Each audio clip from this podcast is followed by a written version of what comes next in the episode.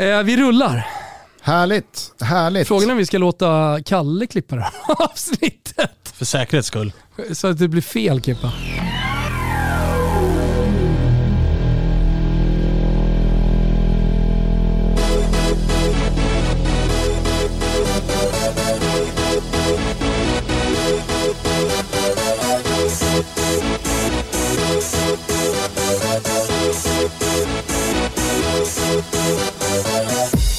For this? Känner varmt välkomna till eh, Toto Balotto. Det är torsdag den 19 augusti. Superproducent Kim Wirsén knackar satan på OS utan spets. Det kanske ni märkte i senaste avsnittet som han rattade med vänsterhanden. Blev ett jävla haveri efter eh, dryga timmen. Ber vi såklart om ursäkt för, men som någon härlig lyssnare skrev till oss. För första gången på 531 avsnitt så var det tekniskt strul på Toto Balotto. Ni är ursäktade, men eh, det kan väl inte vi eh, sitta och rycka på axlarna åt. Så det här får inte gå till. Det var en kvart eh, som tyvärr inte lirade. Jag vet Svanemar kom in här och, och undrade vad fan det är som händer. Man undrade verkligen det. För det är som du säger, 531 utan strul, sen kommer det där. Det är en, det är en reprimand. Jo men det kan ju inte vara någon slump att det sker medan Kimpen liksom har fastnat kapitel 2. Nej, och jag vet inte hur det är med, men det, en, en kraftig tillrättavisning hoppas Hörrni, jag har varit bara på sin fråga, plats. alltså jag som eh, lös hund som springer runt och gör olika mediagrejer, sitter här tillsammans med två stycken profilerade Simor eh, talents. Tjena. Tjena! Hur är taggningen inför säsongen? Har haft uppstartsmöten, eh, liksom, eh, cheferna är de på er nu. Läs på inför eh, Serie A-starten, La Liga-starten, Champions League så vi Gugge stå i nice rock här och på Malmö stadion. Vad, är- vad, är, vad är stämningen på det stora mediehuset? Otroligt god är den väl ändå. Augusten har ju smygstartat igång lite. Jag Den står var i inte dum den där rocken. Nej, den var, den var vass Från alltså. min polare Jimbo tyckte att rocken såg ut som skit, men i övrigt var allting bra. Ja, ja. Ja. Ja. Det, var, det var många som undrade var, Myg, myggar vi av Jimbos eh, stil och klass Det var, det var många som undrade var rocken kom ifrån. Det kan jag meddela. Det, eh, vi är sponsrade av NLI Man. Vi drar igång en kod fredag. Så ni som lyssnar på torsdag imorgon, då har vi, då har vi storkoden på NLI Man med, med rabatt. Det är väl nice, eller hur Svanen? Ja, den här rocken är man ju sugen på. Så det är väl bara att gå in och hugga. Ja, här är det bara att hugga. Ja, Gustav, här rock- får inte du säga någonting, men rocken är helt fin. Ja, och Ja. rocken är från J. Lindeberg. Men eh, det pröjsar inte de oss någonting för att säga. Så att, eh, Nej, men väl bara- J. Lindeberg finns som märke på NLI Man, så det är bara att hugga. Ja, nej men för att svara lite mer seriöst på din fråga så måste jag säga att eh, det, det, det, det hände ju någonting igår med en. Då kändes det som att eh, den här eh, säsongen på riktigt kickade igång. Jävlar vad fint det var att stå på en arena igen med 5-6 tusen som sjöng skiten ur sig själva. Man hörde alla bengaler bara Ja, det där ljudet. på andra sidan arenaväggarna, för att då stod vi och repade in förstudion och då kom bussen där vid halv åtta. Så hör man hur det bara är liksom, det bara smäller åt alla håll, man hör Backe i medhörningen, det är en jävla skottlossning här." Och så börjar det lukta krutrök och så känner man att Det ja, sa du också i Mm. öppningen. Nej men det var, det var, det var en fantastisk kväll. Eh, jag har ju aldrig varit på plats eh, på eh, en Europamatch för Malmö FF. Och visst, det, det, det måste ju varit något helt annat, Salzburg och Celtic och så vidare, fullsatt. Ja, men alltså, jag var ju på Juve. Men det var fan i mig något annat. Alltså det är som att eh, även supporterna och de på läktarna hittar en annan växel. För det Malmö man såg ute på plan, det laget har man inte sett i varenda allsvensk omgång direkt. Alltså, Nej det- men alltså, utifrån. det, är, det är någonting, och jag vet Svanemar håller med mig här, när strålkastarljuset kommer på. Alltså, eh, vi som AIK hade AIK Aten, det var också på kvällen. Alltså, vi som har varit i Europa och sett matcher, kvällsmatcher, det är någonting speciellt när strålkastarljuset kommer. Alltså. Ja, så är det verkligen. Elljuset. Så är det verkligen. Och i Sverige också, när, igår var det, det var en ruggig kväll också. Det var kallt och det blåste och det var Ja, men inte det- den där sensommarvärmen. Då blir, det blir ännu mer när, liksom, när rocken åker på. Då Mm, blir det något och det, annat. det var också, det, man, man såg på alla supporterbilder, oavsett gammal, oavsett ung, att det var sån jävla taggning. Det kändes som att de liksom hade suttit 6000 på ett torg. Alltså typ, man har sett de här bilderna på Brönnby, när de står eh, i, i en rektangel. Att alla kom ifrån en sån pregame och bara gick in och sjöng skiten ur sig. Igår var också första gången som, eh, som aik som jag verkligen landade i att så här, Malmö har börjat bli näst, ja, men lite så här, deras mentalitet Mm. är på ett annat sätt. Man såg när, när kameran gick över publiken när de gjorde målen, att det var inte det här euforiska, nästan chockade, att så här, vänta nu, vi leder, vi är på vägen i Champions League. Utan det var snarare folk som så här, borstade bort en mygga från axeln och var så här, ja snälla vad tror ni? Vi, det är här vi ska vara. Alltså det var, det var knappt det var en, en kram på slutsignal. Nej, nej, utan det var mer bara, ja, då är vi här igen. intervjuerna alltså, också. Det, var, ja. det, det är jobbigt som aik att inse att så här, ja, det är fan mig där de är nu. Och, och, och, det där måste jag säga också präglade min känsla och, och mina intryck igår. Att det, det var som att, jag, jag, ska inte, jag ska inte tala för hur Malmö FF som klubb eller som supporterbas känner och tänker. Men jag upplevde i alla eller fall... Eller Malmö FF som stad, som Disco skrev. Det, det, finns, det finns väl någon jävla snygg liksom, grej i en sån Nej. sägning också? jo, om jo, det var meningen. Jo, men det är väl en slags freudiansk felsägning. Eh, Malmö FF är Malmö precis. och så vidare. Ja, absolut. Precis. Det köper jag. Eh, och, och, men det jag skulle komma till var att det, det präglade min känsla och mina intryck. Att Malmö och Malmö FF känner här nu att når vi det här Champions League-gruppspelet, då är det över. Alltså då lämnar vi AIK, Djurgården, Hammarby, Blåvitt, Peking och precis alla andra som har tänkt att på något sätt försöka ta upp någon slags jävla jakt. Jag kommer ihåg Björn Westerholms ord där på Skytteholm, någon träningsstart, att vi ska jaga ner de där ljusblå jävlarna. Och visst, Gnaget tog ju guldet då 2018, så det lyckades de ju med.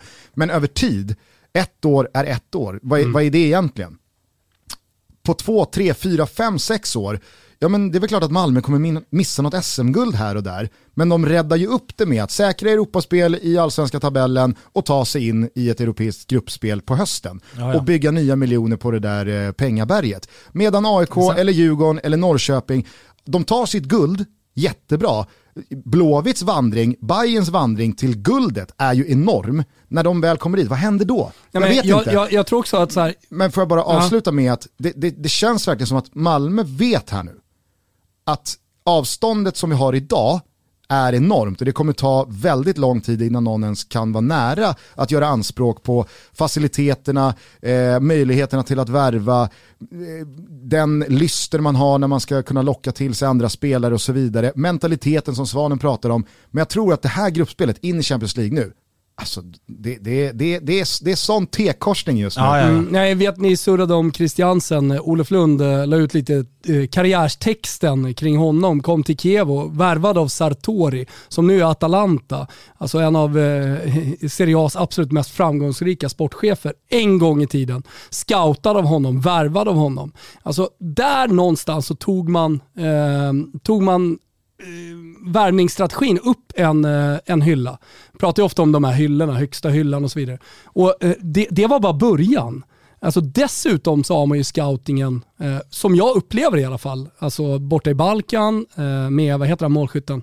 Birmancevic. Birmancevic. Eh, alltså du, du har även eh, kikarsiktet att hitta den typen av talanger, men, men jag tror, alltså de kommande fem åren så kommer vi se Malmö peta på en helt annan hylla, kanske två, tre hack upp ja, men det har de redan övriga. Gjort. Ja. Det, har de, det har de redan gjort, alltså, absolut. Alltså Colak snackas ju om 30 millar köpa loss. Ah. Ja, och det, är, det, det är pengar Malmö har. Ah. Och, och garanterar Colak Malmö 25 mål på ett kalenderår, ja då är det ju värt att lägga 30 millar på. Ja, och det vart ju en till som väckarklocka. Det alltså, jag menar i... är, ska jag bara säga Svanen, det jag menar är att man har inte varit självklara att plocka från den hyllan. Men man kommer dit, man, man, man har närmat sig att bli självklar att plocka från Christiansen-hyllan. Ja, och även han målskytten igår, Birmancevic var ju en sån, där fick man ju också en väckarklocka när Fantomen lägger ut ja, men hans, han, han jobbar ju liksom med scouting åt klubbar och tittar på spelare och han pratade ju om Birmancevic som en spelare som sa nej, alltså han är för bra för allsvenskan. Det, när han kollade på hans siffror i klubben han var i Serbien så var det så att han kommer gå till en större liga än mm. allsvenskan mm. alla gånger. Landar i Malmö.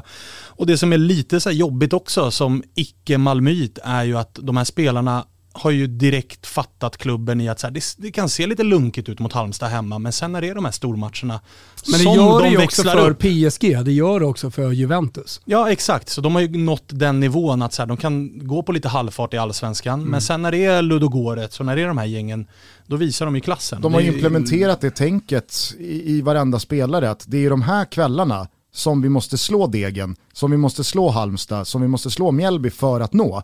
För vi kan inte hålla på och slarva komma fyra och inte ha den här chansen. Och sen visst, kan man, man behöver bara backa bandet tre år så kan man konstatera att Malmö har vunnit ett SM-guld på tre säsonger.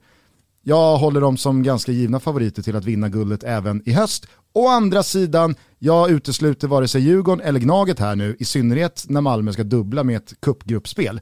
Men det är ju, det är sådana det är såna helt annorlunda verkligheter. AIK har ju ett lag, som nästan alltid AIK har när det luktar Ja. guld. De har ett lag för att vinna guld nu. Men sen då? Sebastian Larsson, Micke Lustig, Henok Goitom, Sotte, Milosevic. Jag menar, Och problemet, det du pratar om att de har ett guld de senaste tre, ja men de har också en åttondelsfinal i Europa League på det. Och två, vad bet- två ja, Europa League-gruppspel, snart ett gruppspel till. Ja, och, bara de, SM-guld. bara de, eh, bara de Europa League-gruppspelen plus slutspel, vad är det? Det är 100-150 millar in på kontot. Frågar du klubbcheferna, de skiter ju lite grann i det där SM-guldet som symbol.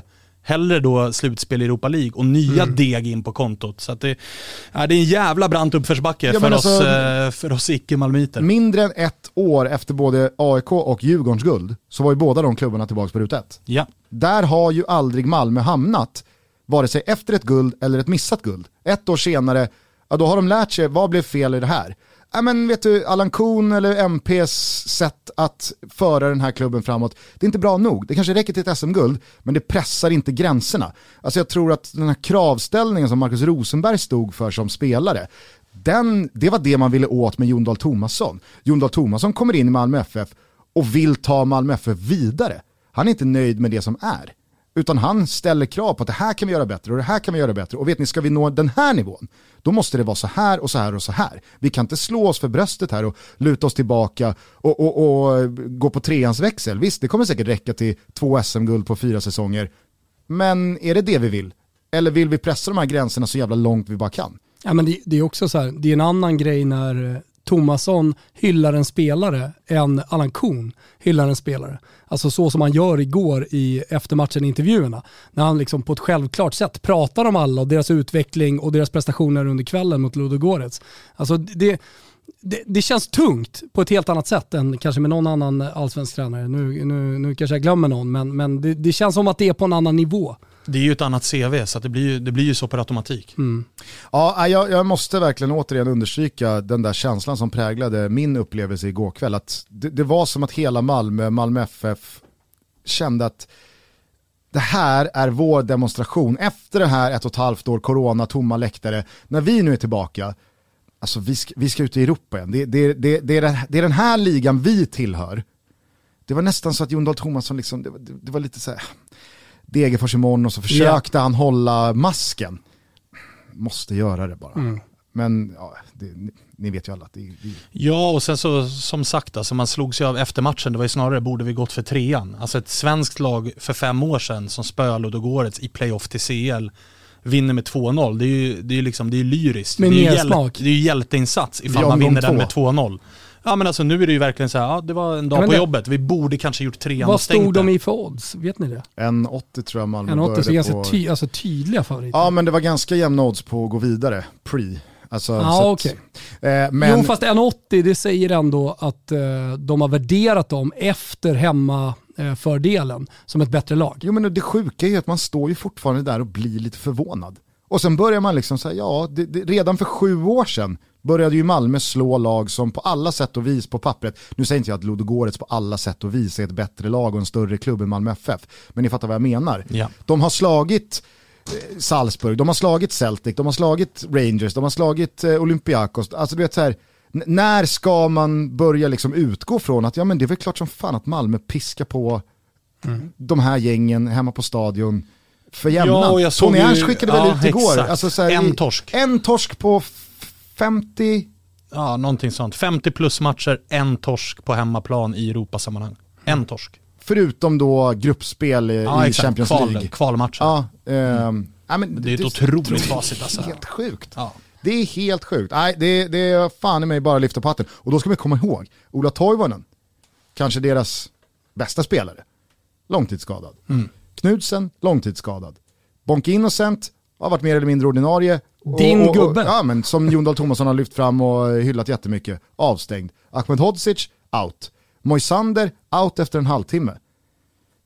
Så här, ja. Ja, men, Ja, borsta av sig. In med nästa. in med nästa så kör vi. Toto Valuto är denna vecka sponsrade av NLY-man och det är på nlyman.com som sommaren packas ner och hösten flyttar in i garderoben. Ut med badbrallorna och hawaiiskjortorna hörni! In med snygga tröjor, klina jeans, ruskigt feta dojor och riktigt vassa skjortor. Mm, det är dags nu va? Det är dags att ladda om lite.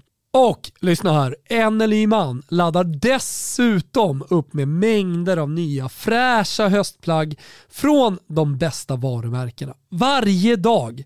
Ni vet ju hur mycket jag förespråkar overshirts, men kanske framförallt yllevästar. Mm. Två plagg som det just nu finns ett eh, extra bra utbud på borta på nlyman.com. Och när ni ändå är igång, jeans från Levi's, mm, va? Blir det mer klassiskt och nice än så? Ah, jag trodde inte det va. Med koden TOTO20 så får ni som lyssnar på detta just nu 20, ja, som ni förstår, procent rabatt på alla de senaste höstnyheterna. Plus såklart allt annat på sajten. nlyman.com, Toto20 i koden och vi, vi säger stort tack till NLYman för att ni är med och möjliggör Toto Balotto. Eh, vi ska ju ha med oss Ponne i det här avsnittet. Jajamensan, vi ska ringa honom nu. Ska vi kanske ta det nu innan vi går över Tycker på, jag. så kan Ponne få vara liksom vår brygga över till Serie A. För Han det är är ju- egentligen eh, det vi ska prata om idag. Svanen är här, välkommen! Tack som fan. Eh, det tog Kul att se dig, tog ett plus tag. fem eller? Kilo? Nej, det räcker nog inte. Nej, alltså, vi nej. pratar... Bra jävla plufsig. Ja, det är tvåsiffrigt. Gugge också. Det är tvåsiffrigt. Ja, Haft en bra semester. så är det. Vet du vad som eh, riktigt mörkt? Vi hade ju simor eh, fotograferingar här inför jag höra. säsongen förra veckan. Och du vet, jag klev ju av EM 3 juli och det här var vadå? Ja, det 10 augusti.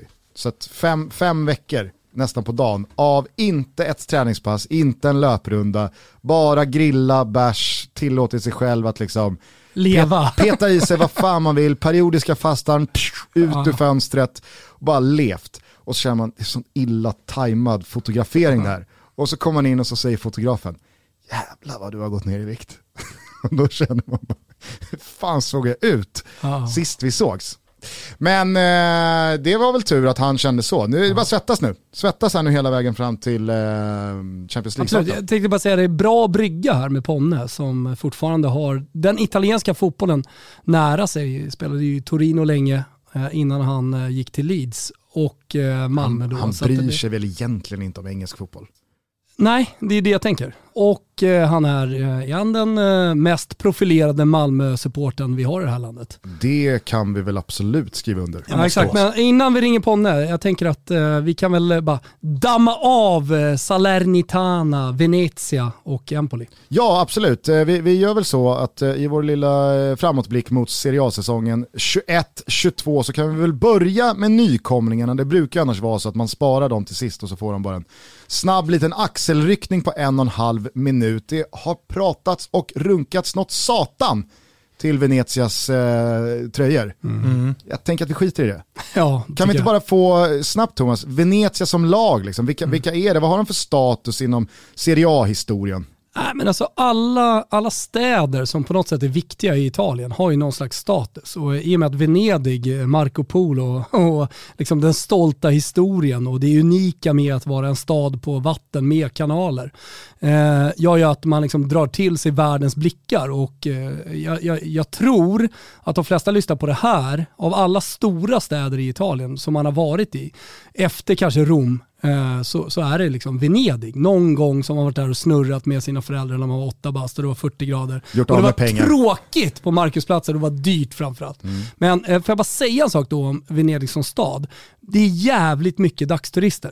Det är väldigt få som sover kvar, så många kommer in från Mestre och eh, ja, från Lignano, Bibione, där du har varit Gusten, ditt favoritställe På på, jorden. jorden. Eh, eh, kommer in och så är man där över en dag och så eh, har man gjort liksom Venedig. Men kvällarna eh, i Venedig, otroliga.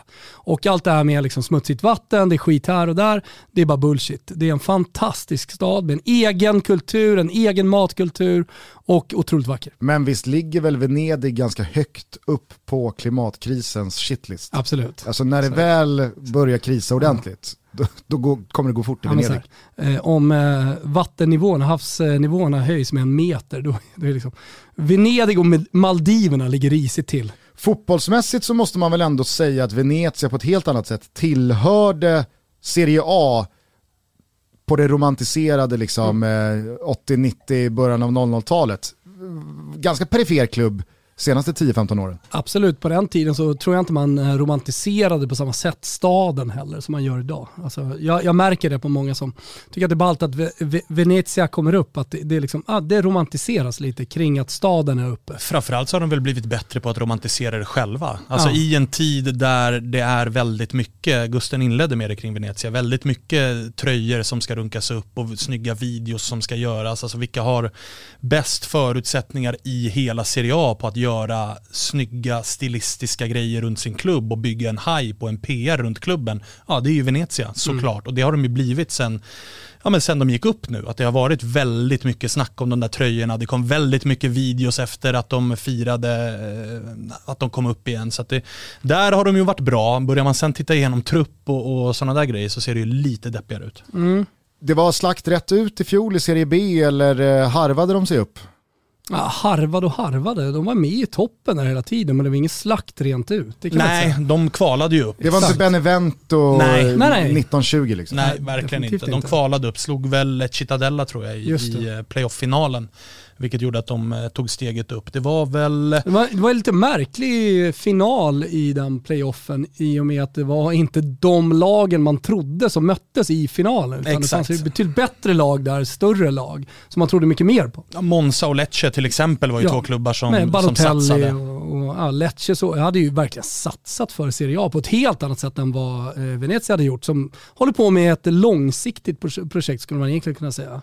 EU har ju amerikanska ägare och det är ju väldigt poppis nu. Det är många klubbar som Spezia har ju också fått nya sen förra säsongen, amerikanska ägare. Har dock inte investerat jättemycket här under, under sommaren. Däremot ett namn som sticker ut ju i Arnor Sigurdsson, gamla IFK Norrköping eh, superstjärnan som ju var i CSKA Moskva gjorde det ganska bra, gjorde ett par insatser i Champions League där många trodde att det här kan bli en stor försäljning, men har ju nu landat som ja, men typ det dyraste mm. nyförvärvet i Venezia. Långt ifrån ensam islänning i den där truppen. Nej, de har ju en hel del eh, nordiskt, alltså det, det, är en del svenskar i eh, Primavera-laget, danskar, norrmän, så att de har de gör inte det här klassiska att det bara är att plocka ifrån storklubbarna och låna in unga talanger därifrån, utan de har, de har breddat sin, eh, sin scoutingverksamhet ganska rejält. Såklart två jänkare, det är ju poppis nu eh, som är inplockad också. Så det, de tittar men, ganska brett när de värvar. Ja, verkligen. Det finns väl någonting att säga liksom, om Venezia rent historiskt om man tar i modern tid, 2000-tal också, att de har haft enorma problem. Eh, de inledde ju 10-talet i, i Serie D och eh, då gjorde, gjorde en grupp supportrar revolt och liksom tog över klubben och, och, tillsatte president och så vidare. Och nu, nu skulle, det var ju populärt där typ eh, ja, men 2010, runt 2010, att supportrar skulle ta över klubben för att då hade det stora ekonomiska stålbadet liksom sköljt över Europa, inte minst Italien. Och eh, Eh, när man helt plötsligt då inte fick de här supervärvningarna, pengar som investerades av presidenter eh, och eh, unika ägare, e, e, envåldshärskare skulle man kunna säga i klubbarna. Alltså det var ju den tiden då Silvio Berlusconi lämnade och eh, Moratti hade inga pengar kvar och kunde inte satsa vidare. Eh, då, då, då var det en del sådana här eh, supporterrevolter i, i klubbarna, bland annat i Venezia, men då, då låg man alltså i Serie D. Eh, det, det, som hände var ju, det, det, stora var ju när Joey Tacopina, stjärnadvokaten från New York, tog över klubben 2015. Kanske en av de härligaste spelarna i den italienska liksom, fotbollscirkusen det senaste decenniet. Vem? Joey Tacopina. Uh, ja, definitivt. Han har ju varit uh, inne och snurrat lite här och var, mm. uh, ska vi säga. Uh, så, nej, men han tog över och bildade ett konkordat med nuvarande ägare som var minoritetsägare. Så 2020, här, precis innan man gick upp så... Galna tog... absolut. Concordata heter det på italienska och nu gör vi ju liksom eh, inför Serie A, då blir det konkordat. Jag vet inte om jag översätter det rätt. Men... Kan det vara konsortium? Ja, kan vara konsortium, Def definitivt. Låter rimligt. Concordata. jag tror fan, googla det medan jag pratar Svanes, så, så gör någon jävla nytta där borta på hörnet. Eh, nej men eh, eh, sen, sen ledde han där, eh, Pippo Inzaghi tog över eh, som tränare efter Milan, du vet eh, usla sessionen där. Tog över och eh, ledde laget upp till Serie B. Konkordat är ett avtal mellan stat och kyrka. Så det, det är inte Joey helt- Tacopina. Concordata på italienska och på svenska är alltså inte samma sak. Nej, inte riktigt. Eh, Även om man håller Nej men så nu är det, nu är det Duncan Niederauer. Och eh, var kommer han ifrån tänker ni? Nej men det, det Nej, låter väl... Ja, Eh, New Jersey, born and raised. Eh, Han, han, så han har varit något så mäktigt som ordförande eller pres, president för New York-börsen. Alltså då pratar vi tung gubbe. Eh, Så det, det, det är han som rattar det och så gamla Torino-spelaren som, som coach. Zanetti. Alltså inte den nej, Zanetti. nej, utan- och inte heller den Zanetti, Nej, utan nästa Zanetti. Nästa det, är, det är Zanetti. den riktiga finsmakar-Zanetti. Det är alltså Exakt. inte Inters gamla lagkapten och ikon Javier Zanetti. Nej. Inte heller den scudetto-vinnande mittfältaren i Roma, Christian Zanetti. Utan det är alltså Paolo Zanetti Paolo Zanetti. som gjorde ett par ja, halvdana säsonger i Torino för tio år sedan. Exakt. Det är, och, och vad, tror, vad tror man om honom? Är det liksom... Alltså, han gjorde det helt okej i i fjol, men det är fortfarande så, eh, du frågade ju eh, inledningsvis här, eh, var det ett Venezia som gick rakt igenom? Alltså så som Pippo Inzaghi faktiskt gjorde med Benevento året innan. Eh, Men, men det är det inte. Och eh, där, där Niederauer och eh, de amerikanska ägarna har satsat pengar så är det inte på spelare, precis som Svanemar är inne på. Utan man gör som Rocco Comisso i Fiorentina, man har satsat pengarna i ett sportcenter. Eller så här, renoverat det sportcenter och då arenan för man skulle inte få spela på sin arena Nej, så som är- det såg ut. Men deppig. man har renoverat den nu och man håller på att renovera den. Och Jag tror att det är fram till 21 september någonstans som eh, man kommer fortsätta renovera. Men, Och eh, gissningsvis längre än så. Vi minns ju förra året Spezia fick ju inleda med att att spela i Cesena halva säsongen ungefär och sen fick de flytta Bä- hem. bästa flytten på arena, vilken, eh, har ni någon favorit? Exakt. Cagliari, Verkligen. Spelade, i- spelade i Trieste. tre år. I tre Helt sjukt faktiskt. Ja, Helt herregud. sjukt. Men- och ni vet vems fel det var? Att de aldrig fick liksom flytta in. Det var väl Chilinos? Nej, det var ju, nej, det var ju eh, flamingorna. Jaha. Ja, för de häckar ju där, där, där, Celino skulle bygga den nya arenan i Quarta utanför, utanför Cagliari. Men du Svanen, hur, alltså, hur ser du på Venetias eh, sportsliga plats i denna Fan mäktigt att jag har sett flamingorna häcka i Quarta. Har ni gjort det Eh, någon gång? Nej, faktiskt inte. Men, men oh, det kanske jag har. Jag har fan varit i Quarta Ja, på Sardinien. man ska vara där när de häckar, för det är mäktigt. Det är flera tusen flamingos. På Eh, väg till Miami. Är det en slagpåse i grönt och svart det här eller? På pappret så bör det ju vara så. Eh, och med tanke på att de inte kommer från någon jätte, alltså de fick ju spela länge med tanke på att det är playoff, det vet vi ju i det här laget. Det håller ju på eh, väldigt långt in i sommaren. Eh, men de har inte förstärkt laget särskilt bra. Nu ryktas det ju fortfarande om Jovinko som ändå kan vara någon form av, inte längre en garanti, men det är ändå en gubbe som kan ja, men ha lite erfarenhet och kan ge lite tyngd till den där offensiven. Men på pappret så är det ju inte många spelare i den truppen som du känner igen. Nej, jag såg väl gamla räven Molinaro, sen tog de eh, Caldara va? Ja Exakt. exakt. de tog Caldara på lån nu. Ja. Eh, och det kan ju vara någonting för defensiven i alla fall. Men i övrigt så är det, det är skralt. Ja, men Om du ställer dem mot de andra två nykomlingarna då, Aramo Salernitana och... Forte eh, Jonsen på topp. det är Du- inte- Du har Heymans, Perez och Krnio. Här får du kämpa Svanes. ja, här kommer vi få kämpa. Här får du fan här kommer vi kämpa, få alltså. Här kommer vi det är få du kämpa. som är kommentator, Ja, profilerad sådan på Simor. Nytt kontrakt skrivet och allt. eh, jag skulle säga att det där är Chernigoj. Ja, okej. I ett konkordat med Ja, precis. precis. Molinaro. Nej, men känslan är ju som vanligt med de här nykomlingarna, så de, de väntar ju in sista lån. Alltså det kommer göras mycket sista veckan på fönstret, för då kommer ju spelare i de större klubbarna insett att jag kommer inte få någon speltid i Juventus eller i Milan eller Inter och då plockar de lite så som Spezia byggde sitt lag förra säsongen och det gick ju väldigt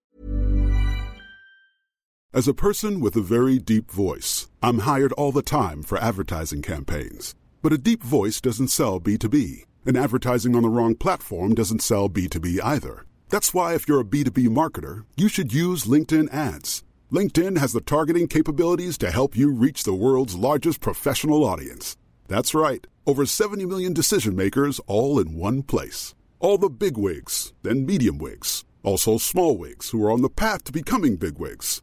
Okay, that's enough about wigs. LinkedIn ads allows you to focus on getting your B2B message to the right people. So, does that mean you should use ads on LinkedIn instead of hiring me, the man with the deepest voice in the world? Yes. Yes, it does. Get started today and see why LinkedIn is the place to be to be. We'll even give you a $100 credit on your next campaign. Go to linkedin.com slash results to claim your credit. That's linkedin.com slash results. Terms and conditions apply. Bra, vi satt ju här och slaktade Spezia inför förra säsongen och, och tänkte att de här åker ju rätt ut. Debutanter i högsta ligan, på pappret ett skitlag, en tränare som var lite uppsnackad men som ändå inte gjort särskilt mycket. Sen brukar det ju ha betydelse att man är tillbaka i Serie A efter lång tid. Kontra Exakt. typ som Empoli som är tillbaka ganska snabbt efter att man åkte ur. Alltså att man har den rutinen, det finns en trupp som till viss del fortfarande består av spelare som har gjort minst en säsong i Serie A. Mm. Det gör ju skillnad det också. Ja det gör det ju. Så att, alltså, det är ju kraftig favorit såklart på att Venezia och Salernitana åker ur den här säsongen medan Empoli är den nykomlingen som ser, eller som bör vara bäst rustade, som vinner Serie B och som väldigt nyligen var uppe i Serie A. Så att det, Sen vet det, vi inte vad som händer med Salernitana heller, alltså med, med, på tal om ägarstrul och så vidare. Kan man säga alltså, för många gånger att det är Martin Åslunds gamla klubb? Jo men alltså, gjorde han, gjorde han kortare tid i Salernitana än vad Jimmy Timander gjorde? Typ likvärdigt. Alltså, uh, Martin, halvår Martin var där ett halvår, mm. vill jag bestämt minnas. Mm. Januari till säsongen ut. Trivdes, trivdes väl sådär va? Nej men han trivdes. Kalle, Nej vet inte fan alltså. Kalle Kula var väl i sådana fall den som det, var längst. Det, det, blev, kan vi inte bara konstatera, det blev en för stor kulturkrock för Martin Åslund att flytta till Salernitana. Eller Salerno. Han, han, skulle, ha, han skulle ha kommit hit nu kör en disco här nu. Eh, kör, flytta till Salernitana. Klassiskt ja, eh, misstag man kan göra. Men den ägarsituationen, om vi bara går över till Salernitana då, den är väl lös nu? Det är väl Leeds ägare som har eh, Nej, kommit in det är inte klart än. Det är, Nej, inte klart. Det, är, det är en fond som äger den som fortfarande visst, Lotito är Det med var Lotito som var 100, alltså ja. han var president. Ja, men det var... är det inte längre. Nej, Nej. Nu, för att han får inte Nej. vara president för två Serie A-klubbar samtidigt. Exakt så. Och sen var det mycket snack om att han skulle ta över då Leeds italienska president, men Eh, han och då pratar vi alltså om Lazios president eh, Claudio Lotito för de som inte, ja men det finns väl för fan de som Ja men lär Lotito... er något och läs på lite, det måste man förklara varenda jävla ord man säger. Lär er något om livet. Alltså. Nej men, eh, eh, ja, jag lite erfarenhet Lackar ur på att någon inte vet vem Claudio Lotito är. Eh, men eh, de, de, de har då startat, han Jag har en liten lookalike för finsmakarna. Alltså. Se om du gillar den. Lotito och Percy Nilegård. Nej, inte dålig. Den är, den är inte dålig. dum. Alltså bästa Lotito-bilderna, eh, det är ju när... när han drar baksidan. Det är väl när Salernitana går upp, går upp. från Serie C till Serie B. Det är inte i Lazio-sammanhang. Salernitana går upp från Serie C till Serie B. Lotito tar löpet på en regnig plan. Någonstans liksom precis när han kommer fram så halkar han med ena dojan och drar baksidan. Fet och jävlig och gammal och så. Nej, men du, det du skulle säga något annat? Eh, jo, eh, jag tror de har startat någon slags, eller tror, de har startat någon slags fond Eh, som eh, Claudio Lotito typ inte är med men han kontrollerar ändå. Och de har fått uppskov på att sälja klubben på typ ett halvår fram till kalenderåret. Det, det, det ligger liksom lite snett på den här informationen men det, det, är typ så. Han har lyckats få till något slags konkordat med ja. Eh, och sen har han ju satt eh, sin gamla polare, en eh, högt uppsatt militär, som han också försökte få president för ligaförbundet för några år sedan. Att, ja, han försökte få honom att bli president för ligaförbundet. Det var hans eh, kandidat. FIG? Eh, eh, Lega Calcio. FIG är italienska fotbollsförbundet. Eh, Lega Calcio är SEF. Ja, precis. Eh, men eh, han misslyckades med det. Eh, nu satt han honom då som president för Salernitana, så han är ju målvakt eller vad man ska säga. Och gjort en karriär inom det militära. Om man går in på hans i Wikipedia så är det ju liksom, han har varit allt. Han har till och med varit vice borgmästare i Palermo. Eh, kort bara, Empoli är snett ute när det är en ganska deppig, liksom, det, det, det, det, är en deppig historia överlag, eller? Vad menar du med det? Ingenting lockar mig med Empoli. Nej, men så här, Mancuso och Cotrone på topp, det är klart det lockar lite grann. Mancuso gillar man, Cotrone gillar man, Bayrami bakom. Va? Börjar rycka lite i pungen här nu Gusten. Vi har ju Romagnoli där. Inte den Romagnoli. Det är så deppigt när någon som heter något som Romagnoli Ja. blir något. Nej men Ja, visst, alltså, Andreazzoli, det vet ju du. Helt okej tränare. Men ett tränarbyte ju. man vet ju ingenting. Alltså det enda man vet om an- Andreazzoli, det var att han var liksom en interimtränare som förlorade cupfinalderbyt för Roma mot Okej, får jag dra en MVP? det, i- är- det är hans claim to fame, Ja, ja. så att jag vet inte. Så det- Får jag dra en. MVP, en spelare att Jag ta koll inte. på? Inte för att vi är Tutski inför EM här, men ändå. Tsurkovski gillas. Bra spelare, mittfältare. Polen har en ganska ska vi fin... såklart hålla koll eh, på. Men Polen det är alltid, fin, det är alltid ung speciellt generation på med... G, alltså. Ja, så är det. Men Alltså, det, det är hur, speciellt hur, med djupt vinnarna. nere, hur djupt nere är vi i Italien-runkeriet nu när vi är inne på Surkovski? För våra lyssnare. Ja, nej, jag, ville bara, jag ville bara höra ifall ni höll med mig om att sportsligt så känns eh, nykomlingarna ganska svala. Ja, så är det. Alltså, sen finns det grejer utanför som lockar med både Salernitana och Venezia, inte lika mycket med Empoli. Nej. Så jag håller med om att så här, sportsligt kanske Empoli är den bästa nykomlingen, men allt runt omkring så är det ju den deppigaste nykomlingen. Venezia känns mycket roligare då. Ja, och inte Salernitana bara på grund av likaså. tröjorna. Även det italienska, eh, italienska, amerikanska ägarskapet tycker Ja, jag ja. känns. Mirakel om Venezia och eller Salernitana håller sig kvar. Empoli kan inte sluta högre än 16. Nej, jag Faktiskt. skriver under. Jag Faktiskt. skriver under. Sen ska det bli fint att se, alltså det är en jävla arena de spelar på, Salernitana. Och eh, bra kurva som det ska bli kul och Jag tycker det är roligare när den typen av lag kommer tillbaka, än när det är Empoli som spelar på en liten pissarena. Visst, de har sina ultras som håller igång, men verkligheten och kurvan i Salerno erbjuder ju någonting som faktiskt höjer Serie A. Alltså den bortamatchen, även om det är ett skitlag så kommer det vara en, en rolig bortamatch. Och Napoli får för första gången en ordentlig lokal rival, för där är det ett rejält jävla hat de Mm. två emellan. Och säga vad man vill om Benevento, men det är en liten, liten pissklubb ifrån Mm. kampanjen jämfört med vad Salernitana är. Så matcherna Napoli-Salernitana kommer faktiskt ha någonting. Och södra Italien är inte jätterepresenterat av eh, klubbar i Serie A numera. Och det är fattigt där nere, det är tufft och många vill flytta upp till norra Italien för att arbeta. Så eh, kan fler klubbar ta sig upp eh, så är det bara härligt. De byter ju av varandra. Det är ju Lecce och så åker de ur och så kommer Benevento och så åker de ur och nu är det Salernitanas Snart tur. är Bari uppe någon vända. och- Ja, Ja, ja, men fint på den tiden då liksom Catania, Messina, Palermo var uppe. Det var fint. Mm. Men hörni, nu är det dags att släppa nykomlingarna. Vi vänder på tabellen från fjolårssäsongen och pratar lite Inter. Där har det ju verkligen hänt grejer den här sommaren. Eh, Sunninggruppen med eh, Steven Chang i spetsen har ju knappt... Nej, tyvärr, jag avbröt det. Vi har Ponne med på länk här. Tjena Ponne! Tjena Ponne! Tjena, tjena. Har du Fan är läget? Det är lugnt, hör det själv. Eh, Det är mycket, mycket bra. Vi har precis suttit och pratat Salernitana, Empoli och Venezia. Fina Italien saknar man ju. Ja, visst gör man det. Vi, vi sa det innan att man Du vet, man vet ju att Ponne egentligen aldrig har brytt sig om engelsk fotboll. Han vill ju bara tillbaka till Italien. Du har det bra i London va Ponne? Jag har skilsmässa framför mig. Vi ska till Italien igen. Ja, det är så. Det är så. Jag hörde att du hade köpt tomt i Bjärred. Ja, vi har... eh, Jag är påläst drömhus. Jag Ja, har, med, jag, har med, jag har med det här. Daniel Olenklint blir ny granne. Det är så. Jajamän. Det, det, det roliga är, jag var ju där i somras och kollade ju. Ja. Ehm, Så parkerar man bilen där i Bjärred nere vid, vid, vid bryggan och vid glasskiosken så här. Så det kliver man ut så direkt börjar gubbar skrika Ja Jonsson, välkommen till kommunen! man, man måste passa in där nere. Ja. Ett tips är att inte börja mäta konto med Olen. Då kommer, du, ja, då Ja. kommer du ligga i lä. Alltså. Ja. Då kommer du ligga i lä. Men du, på tal om skilsmässor, fan vad tråkigt eh, att du tackade för dig i eh, landslaget.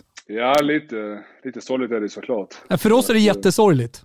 Vi stöttar ju såklart och respekterar ditt beslut, men vi tycker ju eh, likväl att det är förbannat trist. Ja, nej det uppskattar jag såklart. Nej men det, det har växt fram under, under inte ganska lång tid ska jag inte säga, men under ett, ett halvår ungefär. Jag har tänkt på det och grubblat fram och tillbaka. Ehm, Samtidigt som det är tråkigt så tror jag ändå att jag har fattat rätt beslut eh, för att maximera min, min klubkarriär. Men får jag bara ställa en rak fråga som jag inte riktigt eh, får ihop i mitt huvud. Med tanke på ja, men Granens exit och att eh, Marcus Danielsson kanske inte riktigt tog den där chansen som han fick under EM. Det är ett drygt år till ett VM som ni fortfarande kan nå. Fan, det, det, det kändes som att det, det fanns alla möjligheter i världen för dig att ta platsen bredvid Vigge och spela ett VM som ordinarie mittback. Jo, men alltså, nu ska inte jag avslöja allt vad som är sagt mellan mig och Janne ju, men Jo. alltså, det är ju fortfarande, en konkurrenssituation. Men hade jag blivit lovad och garanterad att starta så kanske det, jag, jag tror inte att det hade ändrat, men det kanske att, att det hade ändrat lite. Men som sagt, det, jag har ju inte varit andra valet det senaste, senaste året, eh, vilket gör beslutet ännu, ännu enklare. Samtidigt som det är så, jag har alltid varit en jävla ära att spela i Sverige. Men eh, ibland måste man sätta sig själv i frä, främst och, och, och i den här situationen så har jag gjort det och jag tror att det kommer att gynna mig i längden. Får jag fråga en annan rak fråga? Mm. Tror du att det hade slutat annorlunda om du inte hade gått bort dig där borta mot Kroatien och sen att ni som lag hade en ganska jobbig match mot Portugal dag, eller några dagar senare? Ja, men det är klart att det, att det ändrade lite. Plus att jag då hade min operation eh, i samlingen efter eh, och missade den. Vilket jag tror den var ännu mer, eh, kostade mig nu ännu mer än, än, eh, än, än insatserna mot Kroatien och, och Portugal. Ehm, men ja, alltså, ja, lite kanske. Alltså, vi, vi testade ju någonting nytt i de matcherna. Pressa lite högre och stå, stå högre upp med laget och vara lite mer öppna som lag jämfört med hur det var i, i, i EM framförallt. Ta Sydkorea till exempel där du hyllades unisont eh, hela landet. Men alltså samtidigt, man ska inte heller glömma matcherna mot... Jag känner, fick vi rött kort mot Portugal på Friends efter, efter 40 minuter. Men fram tills dess, även matchen mot Frankrike, så då spelade vi ju liknande. Och då spelade jag och Viggo också. Då funkade det jäkligt bra ju. Då släppte vi till lite chanser och så här. Så den samlingen funkade ju bra. Men Jo så, men ja, samtidigt så vet ju du också hur det fungerar i synnerhet för alla de miljoner som sitter och kollar och tycker och tänker och låter i media. Såklart. När, när, när det blir en sån där blunder som det blev borta mot Kroatien, det är ju den som syns, det är den som märks, det är den som kostar poäng. Och så är det den alla kommer ihåg och så... Jo, ja, men det är ju Jannes beslut som vi pratar om här. Är Janne populist säger du Gusten? Jag tror att... In... Påverkas han mer av vad folket säger än vad du tror? Jag tror... Eller folk tror? Jag tror att om den där incidenten mot Kroatien inte hade skett, vi hade löst ett kryss, då hade Ponne kommit tillbaka efter sin operation med en helt annan status, fit for fight, i våras. Vi har stöttat det nej, hela vägen i alla fall. det. Ja, eh, tråkigt är det i alla fall, men vi hoppas att eh, du eh, för din egen och din familjs skull har tagit det beslut som känns bäst i hjärtat. Det är det viktigaste för oss. Och rätt i hjärtat, eh, rätt i hjärtat Ponne, hur, eh, hur känns det i ditt stora hjärta idag efter Malmös 2-0 igår? Ja, fy fan alltså. Igår man var stolt. Det var, ja, det var alltså, jag, jag fattar inte hur de får ihop det varenda jävla Europakväll. Alltså, Nej, Det- det är helt sanslöst. jag vet, alltså, jag är, alltså, jag, samtidigt som jag älskar Malmö så ser jag alltid, trots att det är mitt lag, alltid med ganska kritiska ögon. Eh, och försöker alltid för att, för att jag strävar om att bli bättre. Men alltså sista en och en halv månaden, två månaderna som Malmö har steppat upp något enormt. Alltså både på planen och utanför planen. Och, ja, de här Europakvällarna är alltså, det, jag fattar inte alltså. Hur är du hemma igår? Kollar du med familjen, ensam, låser in dig? Hur, hur ser det ut? Ja, nej, jag brukar kolla med Åsa. Jag är också ganska intresserad ju. Eh, Mm. Men alltså det blir som att man nästan tar det för givet. Alltså, det är det som är det sjukaste. Alltså. Igår, alltså vid ett playoff, alltså Ludogorets, klart att det kanske inte är det bästa laget, men det är ändå bra och, och ett Europa.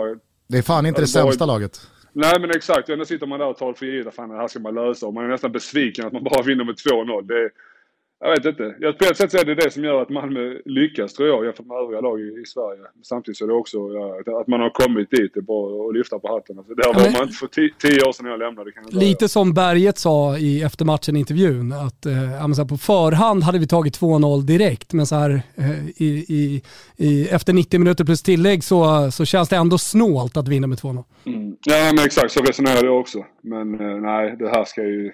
Nu vill jag inte jinxa någonting, öga någonting, men det, alltså, det ser ju bra ut så kan vi säga. Jag har, du har du bokat Rasgrad-biljetten? Nej, alltså jag har ju jag har bara tagit en spruta ju, så jag får inte lov att lämna Aj. landet för min andra, andra spruta. Så jag måste vänta tyvärr. Alltså, annars, annars hade jag för fan varit i Glasgow. Jag hade eventuellt varit i Malmö igår också. jag har svårt att se Malmö inte göra mål i Bulgarien.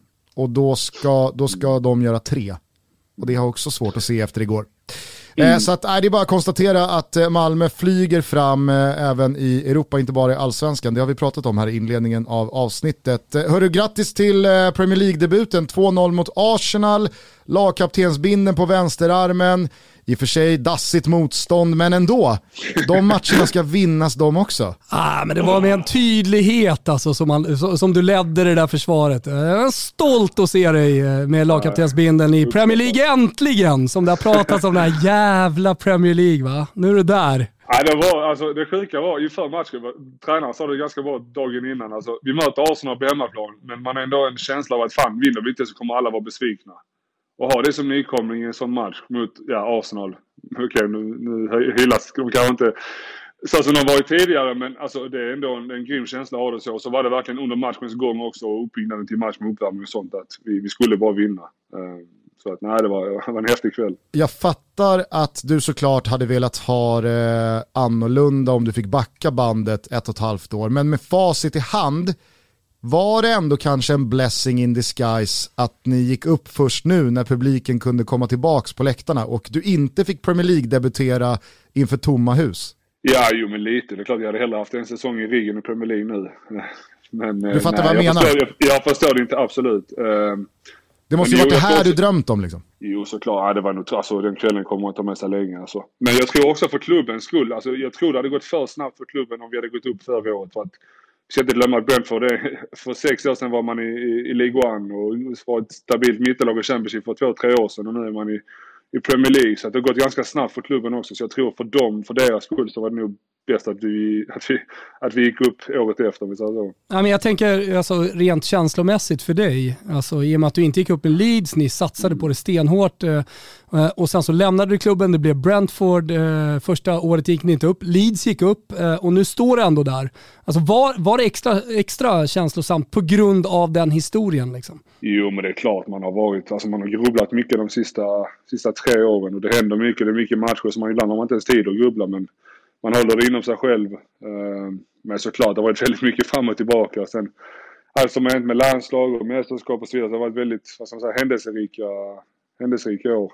Ehm, de senaste två, tre åren. Mm. Men ja, nu när man väl är där så gläds man såklart. Mm. Och vi gläds med dig, Premier League-debut, Malmö stormar mot Champions League, granne med Olen snart. Fan, det, det, det, flyger på bra här nu. Eh, nu är vi bara nyfikna på vad du tänker och känner kring den stundande Serie A-säsongen. Ja, vad känner man? Jag vet inte. Det känns som att jag är på nedmontering. Nej! jo, men du tänker på Lukaku till Chelsea. Ja, du ska ju möta honom. Du ska ju stoppa honom. Du borde, vara, du borde nästan vara ledsen. Du hade fått Timo, Timo Werner.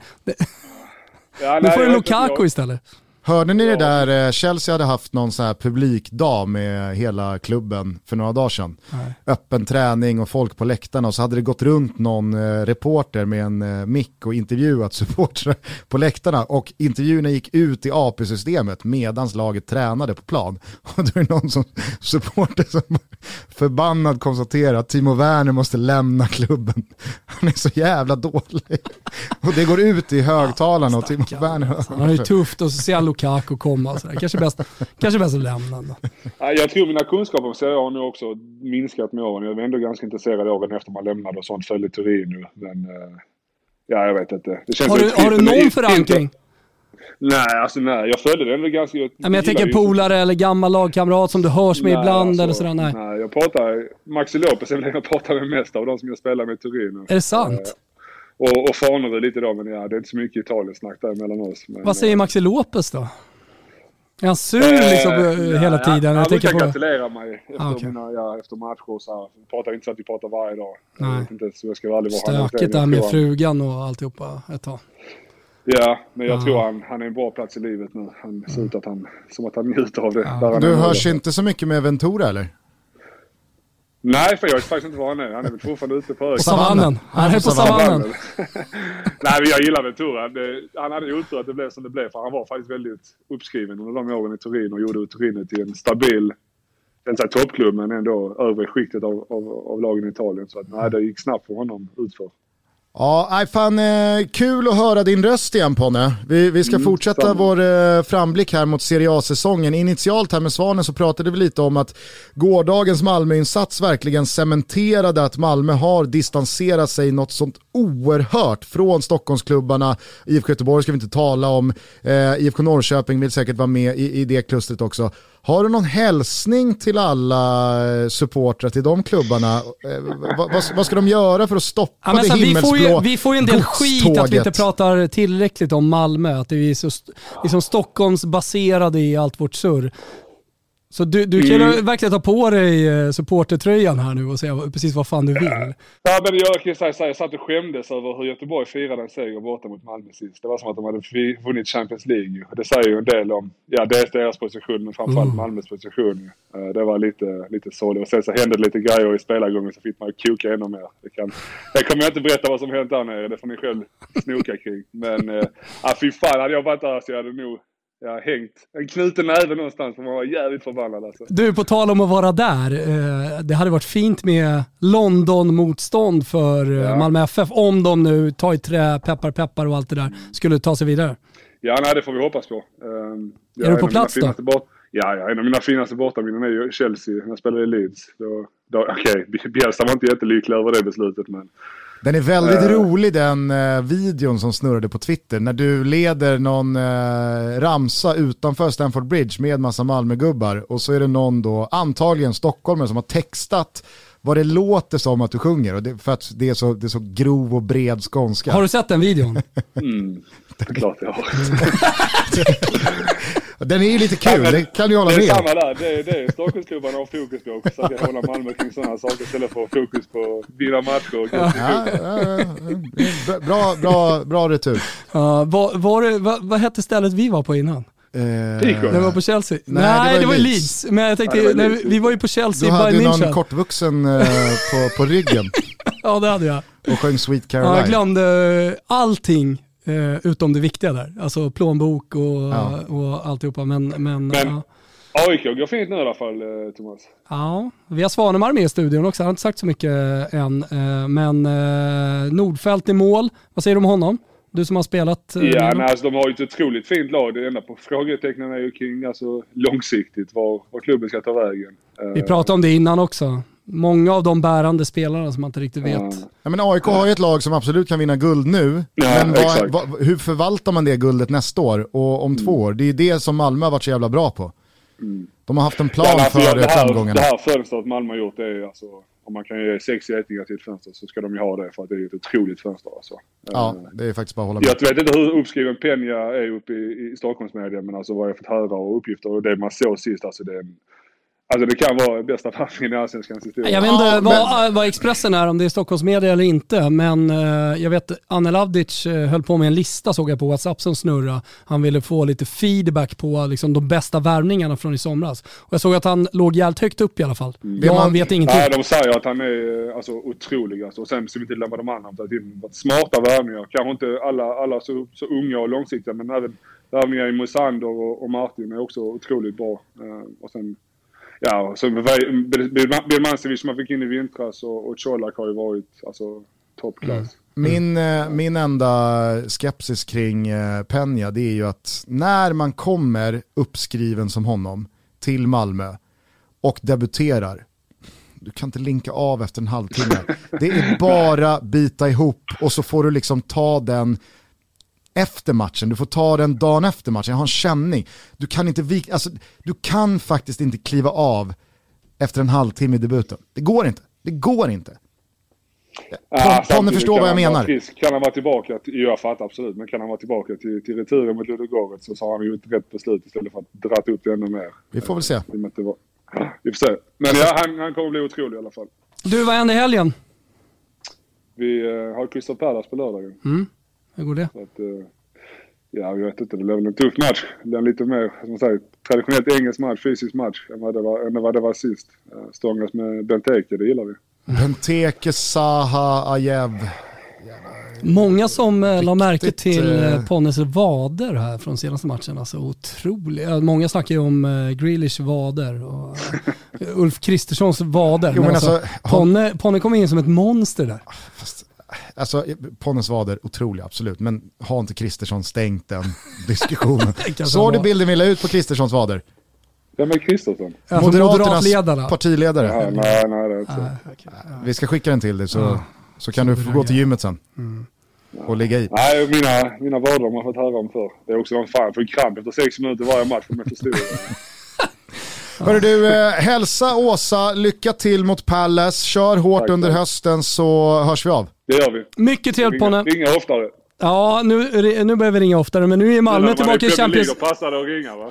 Ja, nu passar det att ringa. Plus eh, med Malmö tillbaka i Premier League så kan ju du vara vår gubbe i Malmö. Liksom. Eh, Så, så har vi liksom löst den grejen med att vi inte pratar Malmö tillräckligt. Vi ringer Ponne bara helt enkelt. Ja, ni är välkomna att ringa när ni vill. Ja, det är bra Ponne. Bra, ciao! Stort Ja, tack. bra. Ciao, Ciao, ciao, ciao, ciao, ciao. ciao.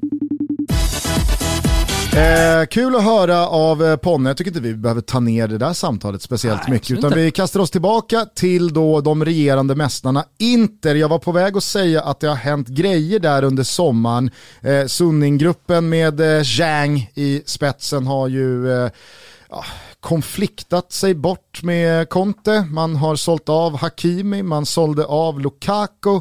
Vad det blir med Christian Eriksen återstår väl att se. Eh, det är ju i alla fall eh, så att man kan konstatera att Inter går in i den här säsongen med ett på pappret betydligt svagare material än vad man vann serien med i fjol. Ja, det är, eh, det är Patsa Inter all over again. Eh, och man kan ju verkligen förstå den frustration som har varit i, hos Inter-supportrar den här sommaren. Jag tror många kände när den där scudetton till slut landade att så här, nu växlar vi upp, nu ska vi ut i Champions League på allvar, vi ska försvara den här titeln, Juventus är lite på dekis. Och så hinner det, de hinner fira i vadå? Ett halvt dygn innan Conte drar och det kommer liksom ganska tydliga rapporter om att vi måste sälja allt som går att sälja. Vi måste ha in pengar i den här klubben. Och nu har de sålt för två miljarder eh, där någonstans. Och förstärkningarna, eller förstärkningarna, det är, det är ju försvagningar det blir, men de är väl okej. Okay. Alltså det är väl inte mer, alltså Hakan Calhanoglu ersätter väl Christian Eriksen, helt okej. Okay. Eh, Dumfries ersätter väl Hakimi helt okej, okay, men det går ju inte. Och Dzeko Lukaku. Och Dzeko ersätter väl Lukaku helt okej, okay, men det är ju en, en försämring av de regerande mästarna, en ganska rejäl sådan. Och eh, vad, vad, vad, tror du man eh, med, med allt detta sagt kan ha för förväntningar på Inter, som nu då ska rattas också av Simone Inzaghi, ska vi säga, som har tagit över Antonio Contes tränarsyssla? Ja, alltså det, det som går, det som, när man landar lite nu, nu är det lite kvar på fönstret, det kan fortfarande hända grejer, men jag landar i att man ändå från sportsligt håll, alltså Marotta har ju löst det här på bästa möjliga sätt efter förutsättningarna. Inzaghi är ju en smart lösning på problemet. Man löser det dessutom väldigt snabbt efter Conte. Det är en tränare som spelar samma spelsätt som Inter gjorde sedan tidigare. De kan fortsätta med den trebackslinjen. De kan fortsätta med tremanna mittfält där två stycken är rätt hårt jobbande och en är lite friare. Vi har ju alla sett vad Luis Alberto gjorde i Lazio. Den rollen kommer ju vara jättefin för Hakan Calhanoglu. Eh, snabba offensiva ytterbackar, det kommer de fortfarande kunna ha. De har plockat tillbaka Di Marco från Hellas, där finns Perisic, där finns eh, Dumfries, där finns Darmian. Så truppen är ju fortfarande... Finns eh, Perisic eh, när transferfönstret eh, stänger? Återstår väl mm. lite grann att se kanske, men, men eh, de är ju inte favoriter till att vinna scudetton. Det är de ju inte. Men de, misslyckas de med att ta topp fyra så är det ett kraftigt underbetyg. För det materialet finns ändå där. Sen behöver ju Lukakos poäng, det behöver ju fördelas bättre och det är väl där osäkerheten ligger. Alltså har Lautaro Martinez, har han 25 mål i sig? Har Edin Dzeko 20 mål i sig? Mm, jag vet inte. Är det bara jag som är lite så här tveksam till Lautaro Martinez utan Romelu Lukaku? Nej, verkligen inte. Jag är där också.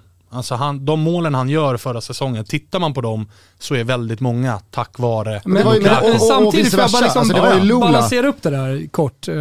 Alltså, de spelar ju med klassiskt liksom, uh, italienskt uh, anfallspar här. Nummer nio och seconda punta. Prima punta, seconda punta. Det kan man argumentera för att de gjorde förra året med Lukaku, men Lukaku var mycket mer djupled. Visst, han hade utvecklat sin förmåga att ta emot bollen, felvänt targetspel och så vidare, men där är ju Dzeko minst lika bra. Ja. Eller minst lika bra, han är, han är nästan lika bra kanske. Problemet är ju att... Men, att, men jag ska bara säga, eh, om man kollar då på hur Lazio har spelat, där väldigt mycket liksom har handlat om Ciro Immobile, alltså en snabb eh, djupledslöpande liksom anfallare. Kollar du på Lautaro Martinez så har ju han Ciro Immobile-spelet i sig också. Så att jag menar så här, Simone Inzaghi kan ju sätta upp det för att Lautaro Martinez ska göra mycket mål. Förra året så var det Romelu Lukaku som tog det stora ansvaret.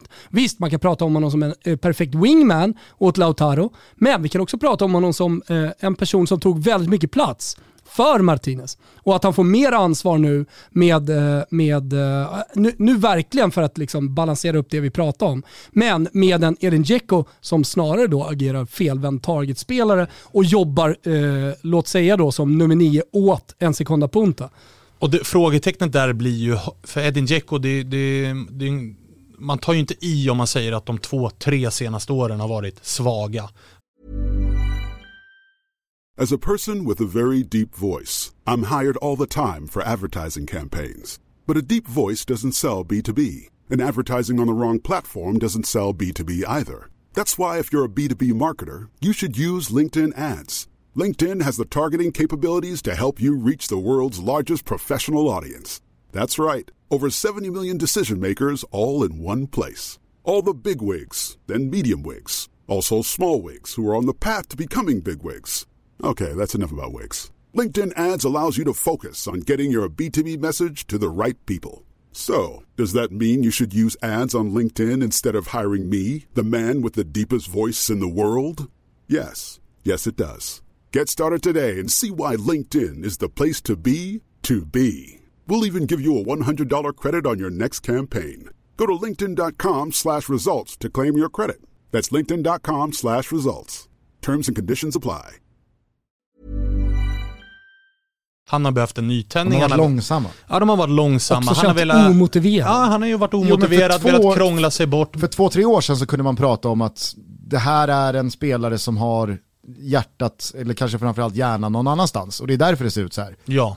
Senaste året så känns det som att jag tror inte han kan så mycket bättre än så här. Nej, och frågan blir ju, det går ju att argumentera för att han mår bra av en nytändning, men frågetecknet är ju, har han den nytändningen i sig? Det vet vi ju inte. Har Lautaro Martinez i sig att vara ettan, den som ska dra det där anfallet, den som ska göra målen, den som ska gå i djupled? Det vet vi ju inte, för det har vi inte sett ännu. Så det är ju frågetecken. Lukaku var ju en garanti, och det tycker jag inte att Edin Dzeko 21-22 är, och jag vet inte om Lautaro Martinez är där ännu, att vara så pass bra att Inter på allvar kan hota Juventus över 38 omgångar. Samtidigt så kan man ju konstatera att det finns en hel del jävla bra fotbollsspelare kvar från mästarlaget. Ja. Alltså Bastoni, eh, Skriniar, Barella. Alltså, Frey. lis- listan är ganska lång på riktig, riktig topp, toppnivå eh, vad gäller att slåss om en ligatitel i, i Italien. och där har ju också, tycker jag, alltså man, är man under press och är så här, vi behöver sälja, vi behöver få in två miljarder snabbt och du säljer en anfallare och en ytterback i liksom, alltså i ytterzon kan du ersätta utan att det blir jättestor försämring. Medan de behåller ändå ett centralt mittfält, de behåller trebackslinjen, de behåller målvakten. Säga vad man vill om Andanovic, men det är ändå en stomme i laget som de behåller. Så det finns en grund där som ändå garanterar topp fyra. Men handlar inte allting om Juventus? Vad gör Juventus? Vad gör Max Allegri? Vad kommer de ut som för lag? Alltså Vad slaktar de med Serie A? Det blir Ja, också en nyckelfråga. Absolut, det är en nyckelfråga. Men, ja, exakt, men så här, är, eh, är Juventus tillbaka? Är de så bra de var under Max Allegri-tiden? Ehm, eller så här, är skillnaden så stor idag så som den var på den tiden? Eller har Inter, även om de har gjort sig av med Hakimi och eh, Lukaku, tagit kliv närmare Juventus så att de fortfarande kan utmana? Det, är- det är bara det jag menar. Alltså, allting handlar ju om vad Juventus gör och hur Juventus ser ut. För, för om de har blivit så pass mycket bättre som vi spekulerar att de har blivit, ja men då är det ingen snack. Men jag är inte helt säker på att de är så jävla bra heller. Det är väl också rimligt att ställa sig frågan, för det här är ju första Jag tror att det är gången... en öppen Serie A, förlåt jag måste bara säga det. Jag tror att det är en öppen Serie A. Jag tror Napoli har någonting att säga till om. Jag tror fan till och med att, att Mourinho har någonting att göra i den här jävla ligatoppen. Nu Jag talar tror, ni. jag, jag, nej, men jag tror att så här, när vi står där i april, Säg som Bengtsson, då, nu då är det fyra gott. lag. Nu snackar vi gott. Då är det fyra lag som ger upp dem. Jag, Jag- skulle bara ställa en fråga, eh, för, för det kan ju vara rimligt Milan. att ha med sig in. Det är ju att det här är ju faktiskt första gången på tio år som Juventus går in i en Serie A-säsong och inte är regerande mästare. Så det som var länge, ja, Serie A vinner man med vänsterhanden, vi ska vinna Champions League. Och man värvar in Cristiano Ronaldo för att göra det. Och ja men eh, Conte blev Allegri, alltså, och när Allegri misslyckades, ja men då måste man testa något nytt. För att man skulle vinna den där Champions League-bucklan, inte fortsätta vinna Serie A. Nu blir det ju intressant att se hur Juventus prioriterar en ligamatch lördag kväll när det är Champions tisdag kväll. Mm, ja det blir det definitivt. Men det är ju som du säger, framförallt är det ju, det är ju läskigt att det är ett hungrigt Juventus. För det är ju verkligen känslan med, ja, men med att de tar tillbaka Allegri. Det är verkligen att okej, okay, vi försökte ge oss på, ut på en stig här som inte är för oss. Det är inte Juventus-mässigt att plocka in Pirlo från ingenstans och tro att det ska funka. Ja, men det var ju så att de själva liksom accepterade att det var en mellansäsong och så körde de på det, bära eller brista. Ja och nu känns det som att de har fattat vilken väg de ska vandra, vilken mm. klubb de faktiskt är och då plockar man tillbaks Allegri. Sen mm. finns det ju inte, alltså pandemin har ju slagit hårt även mot Juventus och med de löner som finns, framförallt på Cristiano, vilket har gjort att de inte kan värva.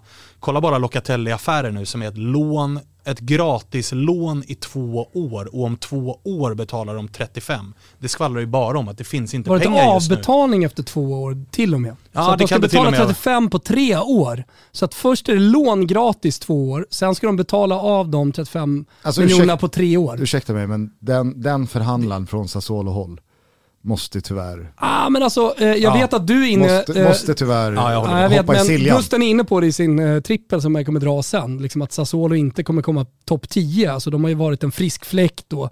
De har satsat eh, väldigt mycket efter De Zerbis liksom, sätt att spela på. De har pinpointat värvningar, de har lyckats väldigt bra i dem. Samtidigt som de har haft liksom, bärande spelare. Nu håller Berardi på att tjafsa sig bort eventuellt. Eh, visst, Båga är kvar, men hur länge är han kvar? Till jul eller? Eh, så att det känns ju som ett eh, Sassuolo, Dopo de Zerbi som eh, absolut kommer ha problem. Alltså Båga kan ju vara lika fin som Simmy, men Crotone kom ändå sist. Ja. Alltså, men alla surrar om Simmy, sen i slutändan, liksom, vad blev det av Simmy? Är han kvar eller? Salernitana. Nej, Salernitana. Ja, ja, ja, han gick ja, ju till ja, dem. Ja. Liksom. Jo men för typ så här, inga pengar överhuvudtaget. Så det säger väl någonting om en jävla lyckoträff han Jo hade. men håll med om att den personen som jag antar är en man som har förhandlat Locatelli-affären å Sassuolos vägnar måste ju hoppa i Siljan. Ja, ja. ja, ja. alltså Dalälven alltså, finns ju där liksom. Fan nu, nu kan du väl bara åka upp till Gävle och välja vad fan som helst, vilket villaområde som Väl helst. Väl vald gillestuga. Ja, ja. Man då gillar vi ändå Gävle. Och gillestuga. Ja.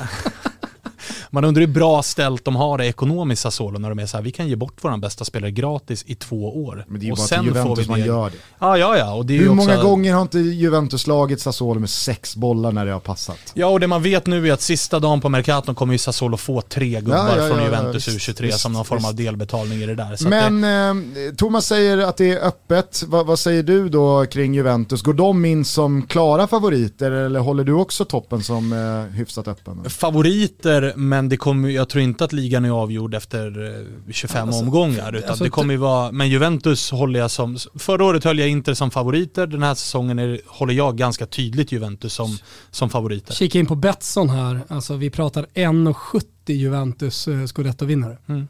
Alltså, när, när hände det senast att de var så stora favoriter? I och för sig inte så länge sedan. två år sedan? Ja, det var två år sedan. Och sen okay, sju men, år innan dess. Men det är ju ett PSG-odds liksom, snudd på. Eh, de, de Nej, är... det är City. Eh, City stod också 1,70. Ah, okay. Mm. PSG, hade man fått 1,70 på PSG? Ja, då hade man tagit då, då hade Helena, jag... jag har belånat.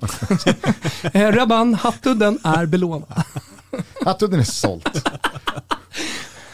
Om ett år med, med alltså, eh, obligatorisk köpoption på Hattudden om eh, Juventus eh, inte vinner. Nej men alltså, jag, jag, jag, jag, kan också skriva under på att Juventus går in både som favoriter och man gör det för att man har inte minst bäst trupp. Men, men jag, jag tycker och tror att Cristiano Ronaldo blir ju en nyckelfaktor här.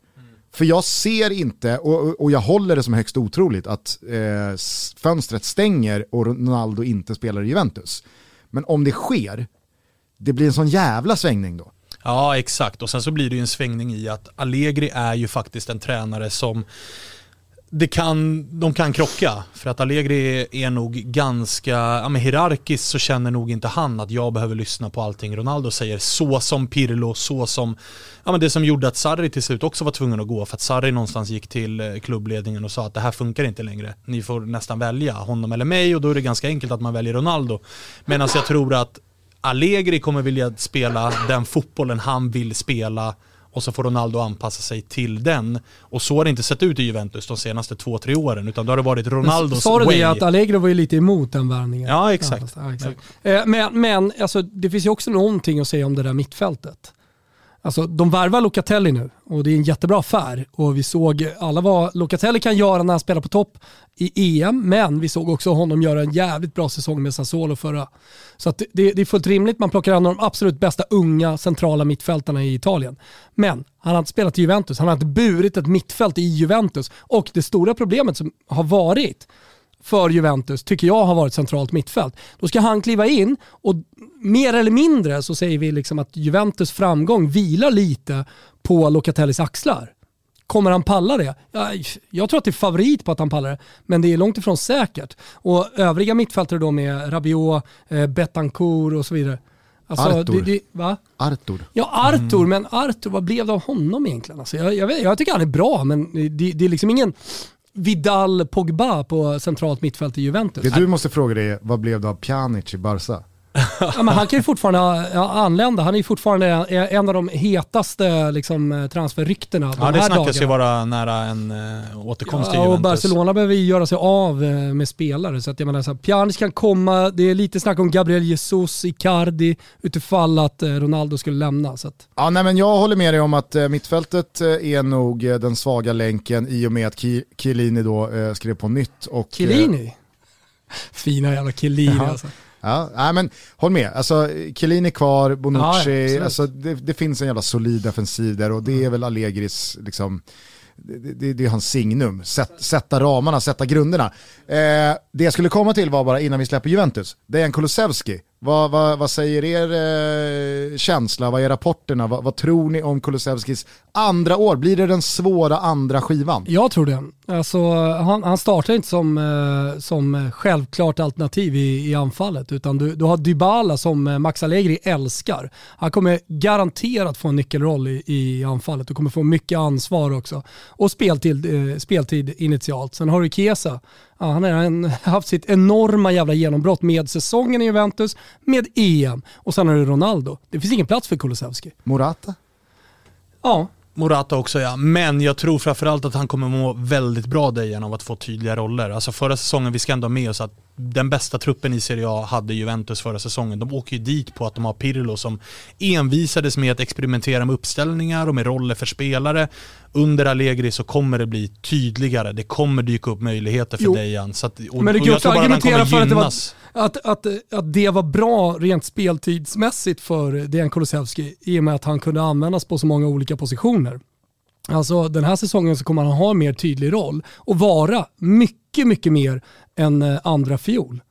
Så det skulle kunna betyda att han får betydligt mindre speltid den här säsongen. Mm. Så kan det bli. Sen är det en situation, alltså vi vet om Dybalas kontraktssituation som inte är löst och vi vet om att Dybala har ett, ett track record av skador som, och han, alltså, han kommer inte spela Champions League, Serie A 90 minuter hela tiden utan det kommer komma speltid på Dejan och då, handlar, alltså, då är det ju som vanligt, ta chansen. Och jag tror att han är redo för det, framförallt i en tydligare roll på planen under en, under en riktigt, riktigt stark eh, tränare som Allegri är. Kulusevski i all ära, det finns en svensk spelare som eh, toppar honom vad gäller stjärnglans i den där ligan och han heter ju Zlatan Ibrahimovic, spelar i Milan, fyller 40 bast den 3 oktober, inleder säsongen med eh, den här efterhängsna skadan han drog på sig mot Juventus i eh, mitten på maj. Eh, Milan, Zlatan, vad, vad, vad tänker du, vad känner du? Ja, den är svår. Jag har ju varit lite kritisk till Milan eh, Paolo under... Maldinis sportcheferi. Ja, exakt. Det tycker jag, tycker jag har varit bra åt ena, på ena sidan och dåligt åt andra. Det finns grejer att kritisera honom för och där märker man Fan att vad det är... sticker ut hakan här Thomas. Ja, men Mm. att kritisera... Ena och sen så har vi Att också kriti- nej men folk tror ju att om det man, andra. om man kritiserar en specifik sak så tror ju folk att så här, du tycker att Maldini är dålig och så är det ju inte. Jag tycker däremot att man skötte Donnarumma och eh, Chalanoglu situationerna på ett väldigt dåligt sätt. Jag tycker att en klubb som Milan borde kunna ha pondusen att sköta de situationerna bättre. Vilket har gjort att man har hamnat i en situation nu där man inte har kunnat ersätta framförallt Chalanoglu på ett bra sätt för att stå rustad då för att ta kliv, ytterligare kliv framåt. För Milan som klubb är inte nöjda med att komma fyra bara. Milan ska ju slåss om scudetto, de ska slåss om Champions League och då kan man inte låta nyckelspelare lämna gratis år efter år. Och nu är man där igen i eh, Kessi som inte har förlängt sitt kontrakt. Det går ut om ett år. Ska man låta Kessi nu vara nyckelspelare i ett år och sen ska han tacka gratis till Real Madrid och så blir det inga pengar in och så. Ni fattar. Men så här, jag, jag, jag är för det första helt övertygad om att Milan är inte klara. Alltså, de söker Isco, de söker eh, Ramsey, alltså de söker en person, en spelare som eh, kan ta den nummer 10-rollen fortfarande. Även om man också ska komma ihåg att Paolo Maldini ger jävligt mycket ansvar till Ibrahim Diaz här. Som ger honom nummer 10 och han blir liksom den tydliga ersättaren. När vi har sett Milan under den gångna säsongen, när Chalanoglu inte har varit med, så har Brahim Diaz gjort det bra. Så att så här, jag, jag, är inte helt säker på att det är en ung spelare. Eh, han har eh, fått ytterligare erfarenhet från förra säsongen. Gjorde han det så bra då? Ja, men jag, tycker, jag tycker han var nice. Alltså. Jag tycker han var en fin spelare. Eh, och, framförallt så tror jag att han har ytterligare en nivå till i sig. Ja, det Speciellt med ansvar. Det, det, är skört. Alltså, det, är, det, är ingen, det är ingen megaspelare vi pratar om. Men i och med att man söker den eh, en, eh, ytterligare en nummer 10 typ. Jag menar så här, man, man kollar på Isco, jag kollar bara här från eh, Gazettan. Alltså, vet, vet du vem man vill ha? Vad väntar man på? Sabitzer. Alltså, gåshud. Han är, han är bättre än Grealish. Sabitzer är ju bättre än Grealish. Alla såg ju EM. Alltså Sabitzer, vilken jävla spelare. Han var ju på väg till Rom ett tag nu. Han men, har väl varit på eh, väg eh, åt alla möjliga håll. Nu känner jag mig lite som Husfeldt här. Det jag, jag håller på och försvarar bara... Milan. Det gör jag absolut inte, men jag säger bara så här. Eh, eh transferfönstret är fortfarande öppet. Ja, och det... det jag ska säga om Chalanoglu, det är att han bråkar, han bråkar jävla massa under hela sista, sista året. Och den typen av spelare vill man inte ha i en klubb. Och framförallt inte Paolo Maldini som sätter ner foten där. Så, fan, stick vad du vill, stick det inte om det är så att du vill vara där. Man vill inte ha kvar honom om han håller på och bråkar om att få upp eh, lönen ytterligare till en nivå, om jag ska vara helt ärlig, som Chalanoglu inte förtjänar. Även om han har varit jävligt bra senaste året. Nej, och det, alltså, all respekt till det i så fall, men lösningen är ju fortfarande inte där. Nej, alltså, och, men transferfönstret är öppet. Ja, ja, men, men, premiär hit, premiär men jämf, jämför med hur eh, Marotta skötte Inter. Eriksen håller på att dö på planen en vecka och det är rätt tydligt att det här kanske inte har någon framtid i klubben, han kanske inte ens får spela i Serie A. Mm. En vecka senare är Chalanoglu klar.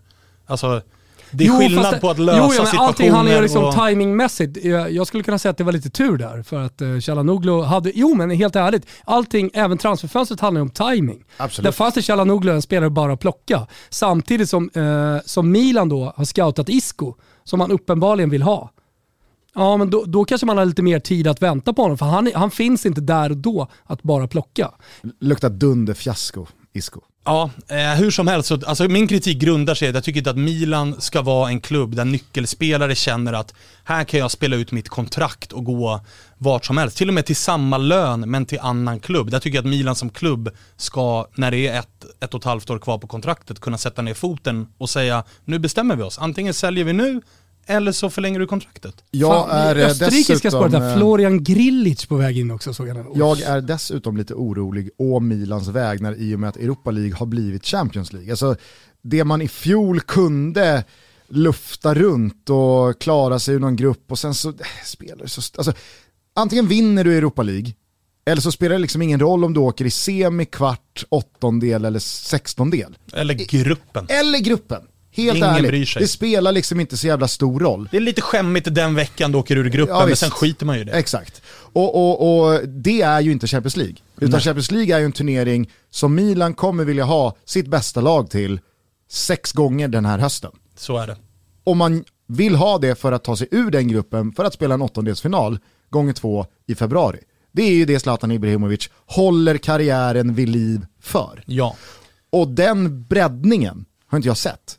Nej, utan, eller det, det, man har gjort som man ändå kan berömma Maldini för, det är att det kommer in en målvakt som är betydligt eh, billigare än vad Donnarumma är. Och som ja, men det är en ersättare. Det är en ersättare. spelare som inte ville vara kvar, stick då. Ja, ja, ja, men där fick de ju pröjs också. Exakt. Så att, jag menar, bra sportcheferi Lill. Hade kunnat fått mer. Men, men, eh, och sen plockar man in det man faktiskt saknade förra säsongen och det var ju en backup till Zlatan i Giroud som jag tycker är kanske säsongens bästa värvning så här på förhand. Att det, är en, det, är no, det är en garantispelare, han har spelat Champions League, han har vunnit VM, han har Alltså han, han, han garanterar en viss nivå och med tanke på osäkerheten som finns kring Zlatan så är det faktiskt rimligt att, eh, alltså det är en superbra värvning. Så där, där eh, ger Maldini däremot beröm då för hur han löst den situationen. För Giroud, det, eh, han kommer göra mål. Summa summarum då, i fjol så var det ett Milan som ledde serien hela vägen fram till jul. Om jag inte minns fel. Ja, han blev ju vintermästare. Ja, eh, och sen så höll man ju sig på Champions League-plats i princip hela säsongen höll på att slarva bort det, men en stark seger i avslutningen borta mot Atalanta gjorde att man löste fjärdeplatsen. Ser ni att Milan ligga på Champions League-plats en hel säsong igen, eller vad, vad, vad är... Eh, vad är trösklarna och ribborna här? Jag tror ju att Milan kommer få det tuffare den här säsongen i och med, som du är inne på, man kommer vilja ställa bästa laget på plan i eh, Champions League. Det är de matcherna Zlatan kommer vilja spela. Bredden i truppen tycker jag inte riktigt finns där, att kunna dubbelspela. Det var ett tag sedan man var i Champions League och vi brukar kunna se, det är vissa lag som har kunnat hantera det där lite i skymundan. Atalanta har kunnat dubbelspela och göra det bra, men jag ser kanske inte riktigt samma, alltså toppa tabellen i ett halvår. Det ser jag inte riktigt Milan göra den här säsongen. Utan jag tror att de kommer få kämpa för topp fyra hela vägen in. Vi... Ja, jag, jag, tror snarare på kontinuiteten i Milan och så, så stabila de ändå sett uh, ut under Pioli. Och uh, alltså, uh, antalet liksom, mästare, eller på säga, men så här, erfarenheten, Giroud är där, Zlatan är där, Tonali blir ett år äldre. Han är definitivt redo för att ta nästa kliv. Han har fått sitt liksom första tuffa år i, i Serie A. Eh, och, och sen just den här stabiliteten under coronan, att, att, att komma med mer eller mindre samma lag och att utveckla det laget också orolig över bredden. Hur ska man klara av att hålla eh, eh, Champions League-spelet uppe samtidigt som man måste kriga i ligan. Alltså du måste fokusera på ligan för att du ska kunna hålla dig i toppen. Eh, så därför, de två sista veckorna, de första två omgångarna här nu i Serie A spelas ju med Mercaton öppen. Sen från och med tredje så är det stängt. Så, ja, ja, det, det, är många på Milans radar, men eh, Paolo Maldini måste få ihop det. Så när vi summerar hans Mercato så blir de här två sista veckorna extremt viktiga. Vi är sponsrade av K-Rauta och hörni, fasen, det är hög tid att börja planera. Har ni inte gjort den, sätt er ner själv eller om du har en partner och börja skissa lite. Vad har ni för drömmar med huset eller lägenheten? Ni kanske ska börja någonstans, men tipset från mig, det är att börja sätta helheten. Vart vill ni? Och sen, utefter det då, börja med ett kanske lite mindre projekt som man har energi till och som man har råd med. Eller så vill man bara dundra igång med till exempel en badrumsrenovering som vi faktiskt håller på med på eh, Kungstensgatan 26 på kontoret. Vi har hittat sjukt mycket snygga produkter från Svedberg som finns på k och vi har använt oss av deras projektplanering för att få till det här badrummet på bästa sätt. Det kan ni också göra. Gå in på krauta.se och ta del av hela deras sortiment. Click en collect slår ett slag för också. Man handlar tryggt och säkert säkert online och sen så hämtar man ut utan att lämna bilen. Vilken grej va? Vi säger stort tack till K-Rauta som är med och möjliggör Toto Balotto. Vi pratade ju inledningsvis om att man fortfarande blir lite förvånad när man ser Malmö FF göra sådana här insatser i Europacupspel gång efter annan, trots alla år, trots alla stora lag de har brottat ner, i synnerhet på stadion i Malmö. När ska man sluta förvånas över Atalanta i den där toppen? Ah, det börjar bli dags, alltså, de, de börjar inte, de är inte på den nivån än, men, eh, men i Serie A-mått mätt, ligamått mätt eh, i Italien så är de ju lite på eh, eh, Atletico Madrids, liksom det vi har pratat om att man måste ta dem på allvar i Europa som ett topp 8, topp 10-lag. Eh, Atalanta satsar ju fortfarande, ska vi komma ihåg, alltså, den här säsongen går man in. Hur kan man göra det här bättre? Alltså, de har redan varit historiska. Alltså, det är det bästa Atalanta-laget man någonsin har sett. Eh, de har gjort historiska resultat eh, mot toppklubbarna. Men man går ändå in med drömmen om att vinna Serie A. Alltså drömmen om Scudetto lever för Atalanta-supporterna när säsongen börjar. Och vad har man tappat? Och, Romero? Mm, och ersatt honom ganska bra tycker jag i Demiral. Exakt, ja, ja, så, så, that's it. Nej, men alltså, det Atalanta... snackades väl lite att alltså, det är ju, det är ju Zapata absolut... skulle vara någon slags eh, pusselbit i hela Lukaku Ja, och det verkar ju inte bli... Nej, i och med att Dzeko är ju där. Ja, så precis. att då kan Nej, men de förvånar ju där hela tiden också. Förlåt, Den- men den- det gör de Ja, och den stora fördelen de har gentemot konkurrenterna där uppe, och då pratar vi alltså titelkonkurrenterna, det är ju kontinuiteten. Att de har fått behålla i stort sett allt de har velat behålla. Alla spelare är kvar, tränaren är kvar. Och jag menar, det är bara att titta på det här eh, EMet vi hade i somras. Mäl är ju tillbaks som en, liksom, Alltså en annan Mäle, spelare. Mäle kostade ju en påse chips i vintras och var tredje gubbe ute på ytter. Det var ju Hatteborg och Gåsens på kanterna. Gåsens är ju kvar. Hatteborg är ju kvar han också. Mäle är ju, han går ju in i den här säsongen, trots sin succé i EM går han ju in som andra valet på högerbacken. Det är EMs bästa spelare. Så att det, de har ett jävla lag. Sen är det ju, och det är ju spelare som fortfarande har nivåer till att ta. Alltså Malinovski gjorde ju en jättesvag höst, var ju bäst i Serie A under, under våren. Miranchuk eh, är ju dags för honom att börja eh, levla upp nu. Där Bra, ska det finnas... EM ska Ja, och där, Alltså, där, finns ju- där finns det ju en nivå till att ta utav. Mm. Eh, sen är det ju mycket humörspelarna, som Muriel och Ilicic. Vilken, vilken form kommer de i? Hur är deras mentala eh, hälsa inför den här säsongen? För det, är ju, det, är ju, man, det går inte att komma ifrån att det är humörspelare. Men träffar Samtidigt, de så har vi, rätt? exakt, Alltså- samtidigt som vi har pratat om ganska många bra lag, de kommer vara där uppe, vi har inte ens berört Napoli än eller något huvudstadslag.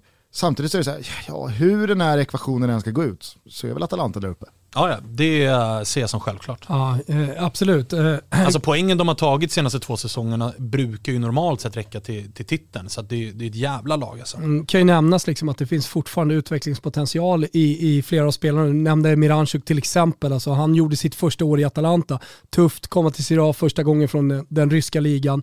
Eh, den spelaren, eh, det har vi sett i Ryssland, såg vi under våren, på tal om liksom höst-vår, en spelare som blev bättre och bättre hela tiden. Jag tror att han kan lyfta eh, otroligt mycket. Du har eh, Pessina, som gjorde succé i det italienska landslaget. Alltså, det är en ung spelare som fortfarande bara har, har snuddat vid eh, toppen av sin karriär. Där finns fortfarande jättemycket att hämta. Ska säga så här, lill, lite eh, tveksamhet, inte mycket, knappt någon alls, men ändå att Golini lämnar för eh, Tottenham och att eh, man tar in Musso. Jag gillar Musso, jag tror att det är en bra målvakt. Jag tror inte att det är ett, eh, ett tapp, men det är vad jag tror. Eventuellt kan det vara lite tapp på målvaktspositionen. På pappret säger jag att, det är att man levlar upp. Ja, jag det är tycker är Musso är, möjligt, ja. klass. Ja, men du ser, du såg mer eh, Udinese än mig Klass. förra säsongen så att, eh, jag, jag, jag litar på dig där Svan. Vad, vad vet vi om eh, publik? Jävla eh, bra försäljning här? av Golini alltså. Att man släpper honom och får 50 miljoner för Romero. Vad sa du publik? Vad vet vi om publikpåsläppet här nu från premiären? 50% är det som gäller inledningsvis här. Ja, om det inte blir, de har ju så här regionsbestämmelser. Så att Green en, card. eh, nej, men då, en, en, eh, en region kan ju gå ner liksom i, i orange eh, zon, eller orange alarm, Ah, okej. eller rött alarm. Vi Då blir minns, den ju, klubben, så det kan vara skiftningar beroende på vilken zon det är. vi minns ju från förra säsongen, Napoli-Juventus till exempel, då var det ju regionkampanjen som klev in och körde eh, reseförbud och den matchen blev flyttad och det blev jidder. Att, Har den spelats än? ja, ja, exakt. Eh, nej men eh, generellt 50% ska det vara, sen kan det skilja sig. För det känns ju också som en eh, pusselbit, givetvis många lag kommer hämta någonting från, men kanske i synnerhet Atalanta. Alltså Ja, med ja. tanke på coronan, Bergamo, hur den slog, den historien de hade. Alltså när, när, när, när 50% får komma tillbaks till den nya arenan, Jag tänkte säga det, de, de ä- fick ju ännu mer, fick ju typ sin nya arena och sen såg pandemin till. Så Exakt. att det är verkligen, eh, verkligen en extra boost för Atalanta. Eh, ditt eh, kära Napoli då? Eh, där har det ju som alltid både hänt grejer och inte hänt grejer som man trodde skulle hända. Ja, Ska vi en gång för alla konstatera att Koulibaly, han kommer aldrig, han, Han kom- kommer aldrig lämna. det kommer inte bli Gammal är någonting han? Det kommer, han 40? är, ja exakt, nej men han är väl 30 nu va? Ja, du ser. Jag tror han Alltså, 90. när, han skulle ju ha lämnat 91 när han var 26 liksom. Ja exakt, det blev ju ingenting och nu sitter ju, alltså De Laurentiis sitter, Han ju sitter väl kvar. fortfarande och gnuggar händer och tror att nej, jag ska upp till två Ja, miljarder. ja, ja, ja, ja, ja, ja, han sitter ju kvar med prislappen. Det, det är 150 miljoner euro vi ska ha för den här gubben. Eh, Så att det, han blir ju kvar och det är ju, alltså många har ju garvat lite åt Napolis fönster där senaste veckan med Juan Jesus eh, in liksom. Men då ska man komma ihåg att det är, Grattis. tack, det är ju en rak ersättare till Maximovic som var liksom fjärde mittback och då kan man ju någonstans acceptera att ah, ja, det, är väl, det är väl rimligt för en miljon euro per år. Det är väl helt okej att ha honom Den där. gubben ska också in och spela ibland. Ja, ja, ja, men låt han göra det då. Eh, men annars så, det har inte hänt någonting spelare in och ut egentligen. Det är bara Hysaj som man äntligen har tappat. Får du säga grattis igen. Grattis. Tack så jättemycket. Och det har så jag blev eh, längtat efter. Gattuso blev Spalletti. Ja exakt. Vad är din känsla kring det? Ja men superbra. Eh, det är ju en, det är ju en tränare som är alltså en smart, eh, smart värvning utav Giuntoli och De Laurentiis. Passar bra in, kan, eh, liksom, kan, han lämnar ju någonstans topp 4 garanti, vill spela en offensiv fotboll. Så att det är inte så Många här, lag som ska in i topp 4 här nu. Ja men alltså han är ju en topp 4-tränare. Det var ju aldrig, Gattuso var ju så här, vi får se vad det blir utav Gattuso. Och de poängen Napoli tappade förra säsongen berodde delvis på hösten i alla fall på skadorna på Semeno och Mertens. Då var det Petagna som sprang runt där och det är ju inte direkt en topp 4-gubbe. Eh, men under våren så var det till exempel sista matchen mot Hellas Verona. Det är ju en, det är en förlust som jag lägger på Gattuso. Har du en, har du en topptränare där, då ser du till att vinna de matcherna. Det gjorde inte Napoli under Gattuso. Spalletti har ju det i sig på ett annat sätt. Och det jag gillar är att han alltid får sina anfallare att ösa in mål. Och där har ju Napoli och Semen som ju ser och det såg vi förra säsongen eh, under andra halvan, att där finns det en jävla potential alltså. Så där, där tror jag att det kan ösa sin kassa den här säsongen. Och så känns det väl också som att alltså, någonting hände med Insigne i fjol.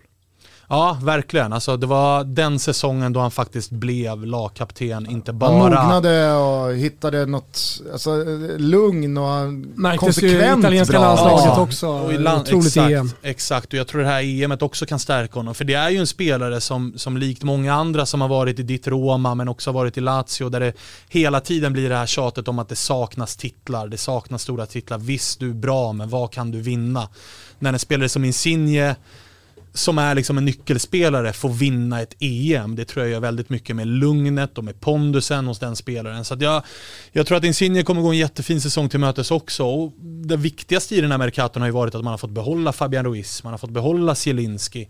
Lozano har ännu en säsong där han liksom, formkurvan pekar uppåt. Politano såg bra ut. Så att det finns ju, truppen finns ju verkligen där för att absolut vara topp fyra och för att faktiskt, om man träffar rätt under Spalletti, faktiskt till och med utmana eh, hela vägen. Det, det tror jag verkligen. Oj, kommer ju aldrig hända.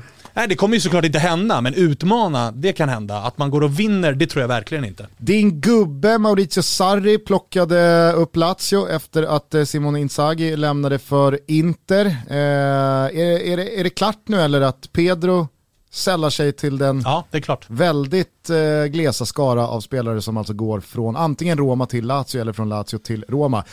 40 Då vet vem du ska dra upp? Eh, Radio di Luna. Arne Selmason. Ja. Som alltså gjorde det 50-60-tal. Ja. Jag tror jag läste man någonstans att det var ihop 40 med år sedan. Simonsson. Eh, exakt, 40 år sedan den senaste spelaren gjorde det. Ja. Men det var inte då Radio Di Luna. Nej, nej. Ni vet ju vad Radio di Luna eh, var liksom upphovsman till för term. Eh, ja, det här har du ju sagt 27 gånger. Jag vet bara att det heter månstråle va? Alltså det betyder Ja, ja, alltså månstråle. det, det är exakt, han var ju som en månstråle på Va, va, planen. va, vad betyder ens det? Eh, Han var som en månstråle på Nej, plan. men det- Jag får liksom det ingen bild av vad det Snabb- betyder. går Exakt. fort, liksom. Är det en månstråle? Ja, jag tänker det alltså. Det brukar man ju, blixt brukar ju vara snabb Nej. liksom, men nej. Eh, Månstrålen. eh, Konkordat Le mellan... Sultanza Pacata. Alltså det tysta firandet. Ja, ja, Det ja, var ju ja, ja. Selmassons. Ah. Han hade gått då över Upphovsman rivaliserande till att inte liksom eh, fira. Fira för att respektera sitt, sin Gjorde han gamla... det? Le i, Sultanza eh, Pacata. Och den gjorde han i eh, Romderbyt. Exakt. King! King! Ja, ja. Ja, skitsamma. Pedro har i alla fall eh, checkat in hos Sarri och Lazio. I övrigt så var det ju ett Lazio som, jag vet inte om du delar min känsla, eller ni delar min känsla. Det var ett Lazio som, alltså det här Lazio, det fick punktering i fjol. Luften gick lite ur. Jag ser inte det här Lazio liksom återuppstå igen. Vadå, Filippa Andersson har ju gått. Jo, men? Inzaghi har lämnat, det känns som att det bästa man har fått av Luis Alberto, Immobile, Milinkovic Savic ihop och så vidare. Alltså, jag, jag, jag, jag, ser, Alltså, så jag, här, ser, det jag ser bästa- inte höja sig från i fjol. Framförallt så det som behövdes var ju faktiskt ett, eh, ett tränarbyte. Alltså jag tror det var bra för alla parter att Inzaghi drog. För jag Kanske, tror- fan nu när jag tänker att Sarri, ja, är Ja. det någon så är det väl Sarri som Ja, liksom... för att jag tror att den tar det till nästa för det nivå. var ju ändå, det var ju ett Lazio som väldigt... tror han är slut, alltså. väldigt Sarri, ja. Jag tror du det? Jag tror det är Ja, över det, där. Alltså. Det är möjligt att det är så, men i alla fall, det var ju... också det är ju, läst det är ju, det är ju påfrestande, påfrestande att spela den fotbollen som de gjorde under Inzaghi. Det var väldigt mycket kontringsfotboll, ligga lågt och så skulle det gå snabbt framåt och mycket försvara sig och hålla på. Nu blir det ändå någon form av nytändning och jag tror att vissa spelare kommer gynnas av det här. Jag tror att Filippa Andersson-värvningen inte är helt dum. Alltså jag, jag jämför ju alltid Sarri med Dia Napoli och då tänker jag roller. Pedro som en Callejon, det ser jag inte som helt dumt. Filippa Andersson ute till vänster, det ser jag inte som helt dumt. Ritorni alltså, jag är så jävla... 2016. Nej, men alltså, jag säger inte att de kommer topp fyra, utan jag säger att det kan, det kan bli helt okej. Men det, jag tror inte att det kommer vara så här kris och det ryktas om sparken Nej, men så efter börja, 12 börjar man omgångar. jämföra med de andra lagen, alltså det Simone Inzaghi gjorde var ju fantastiskt. Och det, det Gitarr gjorde, liksom, han höll dem där uppe hela tiden. Men jag tror att den här säsongen, alltså de lagen vi pratar om, Napoli, Milan, Inter, Juve, Atalanta, jag tror också Roma har tagit, tar ett kliv förbi. Alltså, så att det, det, det här året, det skulle inte förvåna mig om Lazio skulle hamna nia. Nej, inte mig heller. Och, och det enda jag håller emot det är att Sarri Ja, inte absolut. är slut. Han får träff. Och han får träff och, och det bara flyger. Men helt ärligt, det är fem, sex år sedan Filippa Andersson höll hov i Romderbyn. Ja, ja. På tal om Ja, ja. gubbe som aldrig lämnar. det är sju, åtta år sedan Pedro var bra. Ja, ja. Helt Alltså, ärligt. Miljardmannen eh, Mil- Milinkovic Savic kvar. Lämnar jag heller aldrig. Ja, och det, men det som talar emot är ju, alltså med typ en Pedro-värvning, det är ju att, att det är Sarri som pekar på att honom vill jag ha. Mm. Så att någonting, någonting ser han ju uppenbarligen i honom. Och vi får väl se, vi får väl se. Det är, men absolut, det, jag ser inte ett Lazio som är med där uppe hela vägen, absolut inte. Och inte om topp fyra heller, jag tror det kommer vara ganska ordentlig distans till topp fyra. Är Morici kvar? Ja, ja. Så jävla målsumpare alltså. Så usel.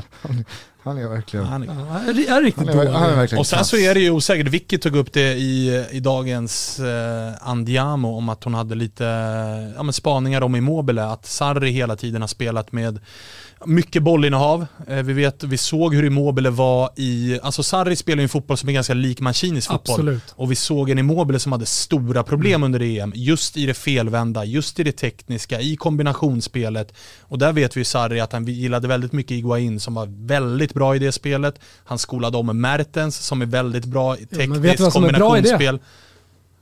Inte Morici. Morici. Nej, verkligen inte. Och. Immobile... Där har du Morici, Inte nyckelspelare. Caicedo. Caicedo. Inte Caicedo heller. Usel target alltså. Och Immobile... Länkspelet, värdelöst. Immobile är ju framförallt en kontringsanfallare som ska gå på djupet och få bollarna där. Så att det, Caicedo, är ju, alltså Caicedo kan ju bara spela fotboll när klockan slår över 90. ja, ja, Det ja. är enda gången han kan spela Ja, fotboll. ja, ja. Det är du vad det det- kallas?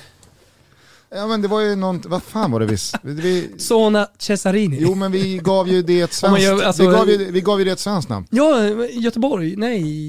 Typ såhär Gaiskvarten. Nej, jag kommer inte ihåg. Nu blir folk, alltså, nu Ja. vet ju våra lyssnare vi pratar om. Någon, någon lyssnare där ute sliter Man drar upp de gamla italienska Ja. termerna igen. En gång per år får man göra det. Nej men det är Sarri emot en ganska jobbig eh, Celeste.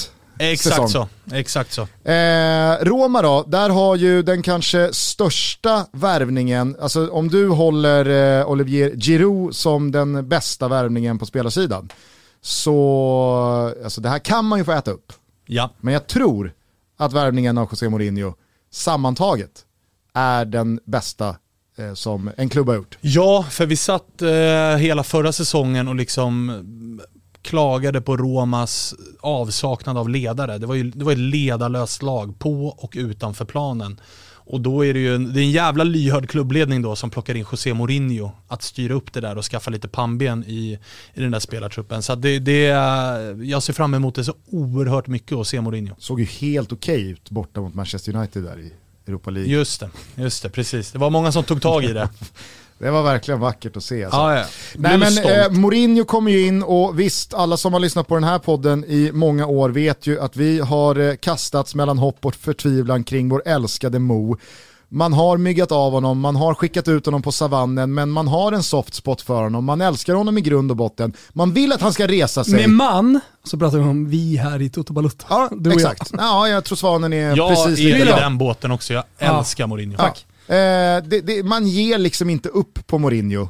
Man vill att han ska brotta ner Pep och Klopp nu- och, och, och gänget Ja, ja till men slut. framförallt nu är det helt nya förutsättningar. Ja, Alltså men, så här, nu är det Italien. men det, var, det, var, det- var fruktansvärt att se hans fotboll i Manchester United mot slutet. Ja. Det var fruktansvärt att se liksom nedmonteringen spelmässigt av det Tottenham-lag han tog, tog över. Jag är fullt medveten om det. Men han tar över ett Roma som i perioder under Fonseca började bygga någonting och det var XG-siffror som var bäst i Serie A hit och det var ett ungt, hungrigt och flygande Roma i Europa League dit. Men i slutet av dagen så kollade man på tabellen, man kollade på resultatraden mot topp 6, topp 7, topp 8. Knappt en seger. Knappt en ledare ute på banan och det är Roma vi pratar om. ja. Alltså jag vill, se, jag vill se ett fotbollslag som vinner matcher. Men vi kan ju Ja, ja. konsta- konstatera en sak. Det är att han kommer till Roma som eh, går in i säsongen med helt andra förutsättningar och förväntningar än alla de klubbar du nämnde alldeles nyss. Alltså där, där var det liksom Premier League-klubbar med enorma pengar som gick in med supporternas förväntningar eh, och eh, ja, men så här, ändå experter som gick in och sa, "Ah, kan Mourinho göra det? Här är ett Roma som du säger som ibland har sett ut som ett lag, en klubb på väg fram med nya ägarna, men eh, som allt som oftast har liksom Över en eh, säsong så har det inte varit bra. fallit och ja, precis, det, det har varit alldeles nu, nu, nu kommer han in mer eller mindre ska jag säga, nu har ju många förväntningar så och Mourinho kan ta tillbaka dem till toppen. Men det är fortfarande ett Roma som ingen placerar topp fyra självklart. Eh, och, och, och italienarna, säga vad man vill om liksom passion och eh, subjektivitet från supporterskap. Så det, det, är- det är en ganska fotbollsintelligent befolkning och de vet vad Roma startar som. De, de, de kan jämföra trupperna. Eh, och, och jag i alla fall, om jag jämför supporterskaror så upplever jag i alla fall att de, de, italienska supporterskarorna inte har för höga förväntningar inför säsonger. Nej. Samtidigt som när man tittar på truppen, jag tycker att det, jag hoppas att man får träff med Rui Patricio i mål, för det har ju varit en position som har jäckat Roma i ganska många år här nu. Eh, jag, jag, jag tycker att spelarna man har fått behålla, kanske framförallt då eh, Veretout, alltså otrolig spelare, när han får vara skadefri. Brian Cristante är ju också en... en Cristante, en- Mancini, alltså, det finns ganska många bra spelare som nog hade kunnat ruttna på vart Roma är på väg någonstans, Conference League, vad är det, och så vidare och så vidare. Ringt agenten och sagt ta mig härifrån. Men de har stannat, Saniolo är tillbaka efter en knäskada och den där knäskadan, det var nog för Roma kanske det bästa som kunde hända.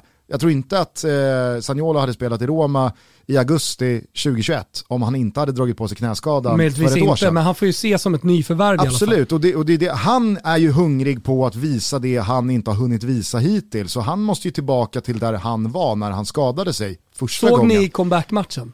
Ja, ja men alltså, Så, det- när, han, när han går in mot målvakten och det ser ut att bli en 50-50 duell Mm. vi och han pratade bara om det när, det när det skedde. Ja. Att modet man har att stoppa in knät där, eller benet. och jag ska nej, bara säga en faktor halvpi- till, halvpigga, halvpigga värvningar med Eldor Shomurodov och Tammy Abraham. Det kan väl bli lite bra. Borja Majoral, fan jag gillar det. Och Framförallt, att Dzeko är borta. Kanon! Ja, ja. men det- Kanon! Det, det finns ju en dragningskraft också. Tammy Abraham hade ju inte kommit om inte Mourinho hade tränat Roma. Det hade inte funnits på kartan. Han säger ju det själv när han kommer. Liksom, att, så här, hade, det, var, det var Mourinho som ville det här mest. Jag hade andra bud också, men det var han som ville det mest och därför kom jag. Så att, Klart Majoral kanske inte vill höra det. nej, men han kan också acceptera att vara andra fiol tror jag. Nej, men sen är det ju, Roma har ju skaffat spelare som vill vara i klubben nu och det tror jag är, alltså det, det finns bättre fotbollsspelare än, än eh, Tammy Abraham, men, det, men att byta honom mot Dzeko med hungern, med motivationen, med allt det där, det tror jag, det tror jag bara är bra för Roma. Så att jag, ser, jag ser verkligen fram emot att se Roma den här säsongen. Jag kommenterar dem mot ditt Fio i eh, premiären här på lördag. Och det har ju blivit, alltså man, man äcklas lite av sig själv som verkligen inte håller på Roma, men som ändå under det här fönstret nu när Mourinho är där, sitter och liksom försöker jobba bra värvningar. Ja, ja, ja. Man vill att det ska gå bra för Roma, men jag får nästan dämpa mig själv i att så här, det får gå lagom bra, för jag vill verkligen Mourinhos bästa här. En annan spelare som vi inte har nämnt här, som hade en period i fjol som var kanske bäst i hela ligan. Mkhitaryan. Ja, herregud den hösten. Alltså han hade två, tre månader när det, han gjorde vad han ville. Ja, ja. Han ja, gjorde vad han ville. En av få spelare som hade dubbla siffror både mål och assist. Ja, ja. Han var, han var ruggig. Sen kom det lite skador där på, på våren och så är det en ansträngd relation med Exakt. Mourinho sen tidigare. Han så kanske det inte blir ju, han, julade hela vägen ner till Popolo när... Nej, Vet man liksom att Molan, så här, va? Tror jag den typen av eh, eh, nej, men så här, dålig relation kan ju också stärkas när man träffas igen. Nytt förtroende Ja, ja. och sånt där. Alltså, det, det hoppas man väl ändå att Men, både men, Mkhitaryan men kanske framförallt José Mourinho, alltså det är så här, ny klubb, vatten under bron, nu, nu tar vi det härifrån. Och sen älskar jag en spelare som vi inte ens har nämnt, är ju eh, den som tog över binden efter Om Dzeko. det nu liksom inte är Wilfred Zaha, David Moyes-grejen. Ja, ja. Då. Det är alla med på. Ja.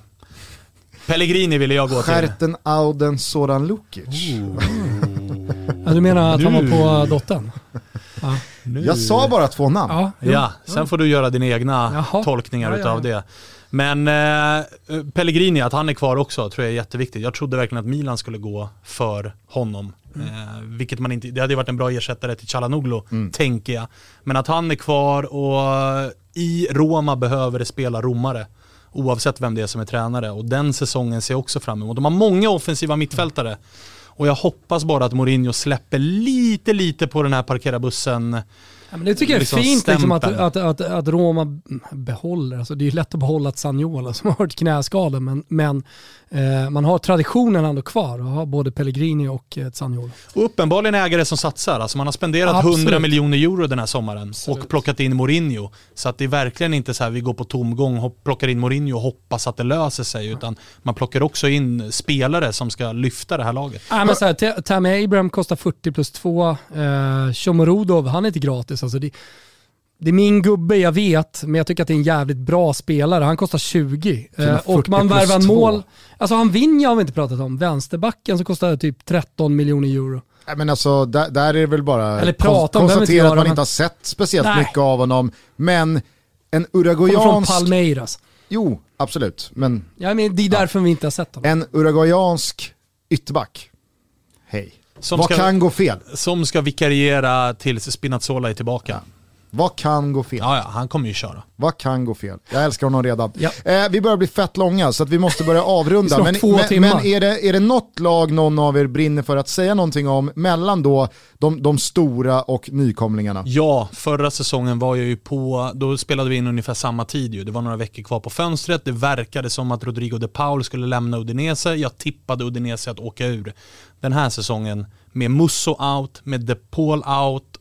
Uh, Det är nu du hämtar hem det. Nu ska jag fan hämta hem det, för det- ersättarna, äh, det här är ett dassigt lag. Så Mm. att de, jag hoppas att de ryker och jag hoppas att Salernitana blir kvar. Thomas, du eh, har eh, pratat väl om Toro. Ja, nej, men alltså, jag tror ju på Toro. Eh, dels för att de förhoppningsvis då, eh, och som det ser ut, behåller Belotti. De behåller väldigt mycket av truppen. Det har fortfarande två veckor kvar. De ska göra någonting mer på Mercato. Jag gillar som sagt att Ivan Juric tycker att det ser ut som skit. Alltså är det, är det någon tränare eh, som verkligen kan få till det med så den typen av trupp som Toro har, ja men då vet vi att det är Ivan Juric. Är det någon tränare som snackar skit så mycket om sitt eget lag och värvningarna så är det Ivan Djuric. som Ja men exakt. Men det finns mycket... Hellas hela förra året, att vi värvar inte, truppen är skit och så kommer man tia. Går Hellas under här nu när Djuric har lämnat? Ja, för att jag tänkte säga också att det har skett, det är 12 stycken nya tränarnamn den här säsongen. Det är Di extremt många. Francesco i Verona. Ja, det är liksom. den jag, alltså, och jag tycker att majoritet, jag tycker att 11 av 12 är riktigt kloka, liksom. de tar över där den som tränade tidigare, liksom. de hakar i varandra. Förutom i Hellas Verona där Di Francesco känns som han har greppat bara ett sista halmstrå för att hålla sig kvar i Serie A, men den fotbollen han vill spela med den truppen Hellas Verona har, äh, det där kan Vad var bli, det för fotboll Bli. eh, som eh, Thiago Motta nu i- Spezia? Ja, den är också intressant. Eh, Alltså, vad, var, vad var det för uppställning numerärt man pratade om tidigt när han var i Två, på igenom det? Två sex... 2-7-2. 2-7-2. 2-7-2. Nej, jo men jag tror nej, man räknade in målvakten Ja, i systemet. ja, ja, ja. Han vill ha en spelande målvakt, det var det som var grejen. Så han räknades in som 11 spelare man pratade Ja. om. Han är hur som helst i Spezia och eh, de har väl eh, värvat svenskt va, här nu med Bayern där. Mm, Aymar Cher. Just det. Det är det är inte klart man tränar med dem tror jag. Jo men han skulle, alltså, han skulle göra någon sån här träning innan han signade kontraktet. Träffade Jimmy Durmaz, din gamla kollega från simor tiden Eh, Han var lite på gång dit också. Mm. Men det var väl i samband med ifall det hade blivit en annan tränare. Exakt. Som, från Turkiet som, Som är då från eh, Spezia. Och så kors Nej, han är Nej. från De Serbi, eh, han var med De Serbi Sassuolo tror jag. Vem? Men han var turk väl? Turken Aha, som Jimmy okej. Durmaz hade i sitt lag han var utlånad från Galla i. Eh. Han skulle eventuellt ta över Spezia. Ah, Ett par roliga okej. grejer. Alltså, jag kollar till eh, Genoa. Alltså, vad är Genoa kända för de senaste åren? Med Jockey Preziosi. Det är roligt att ägaren Preziosi som hela tiden säger att han ska sälja, en av de liksom gamla old school-presidenterna som är kvar i Serie A, eh, men som aldrig lyckas sälja. Alltså han, han har kvar det. Han har ju ett eh, leksaksföretag som heter Jockey Preziosi.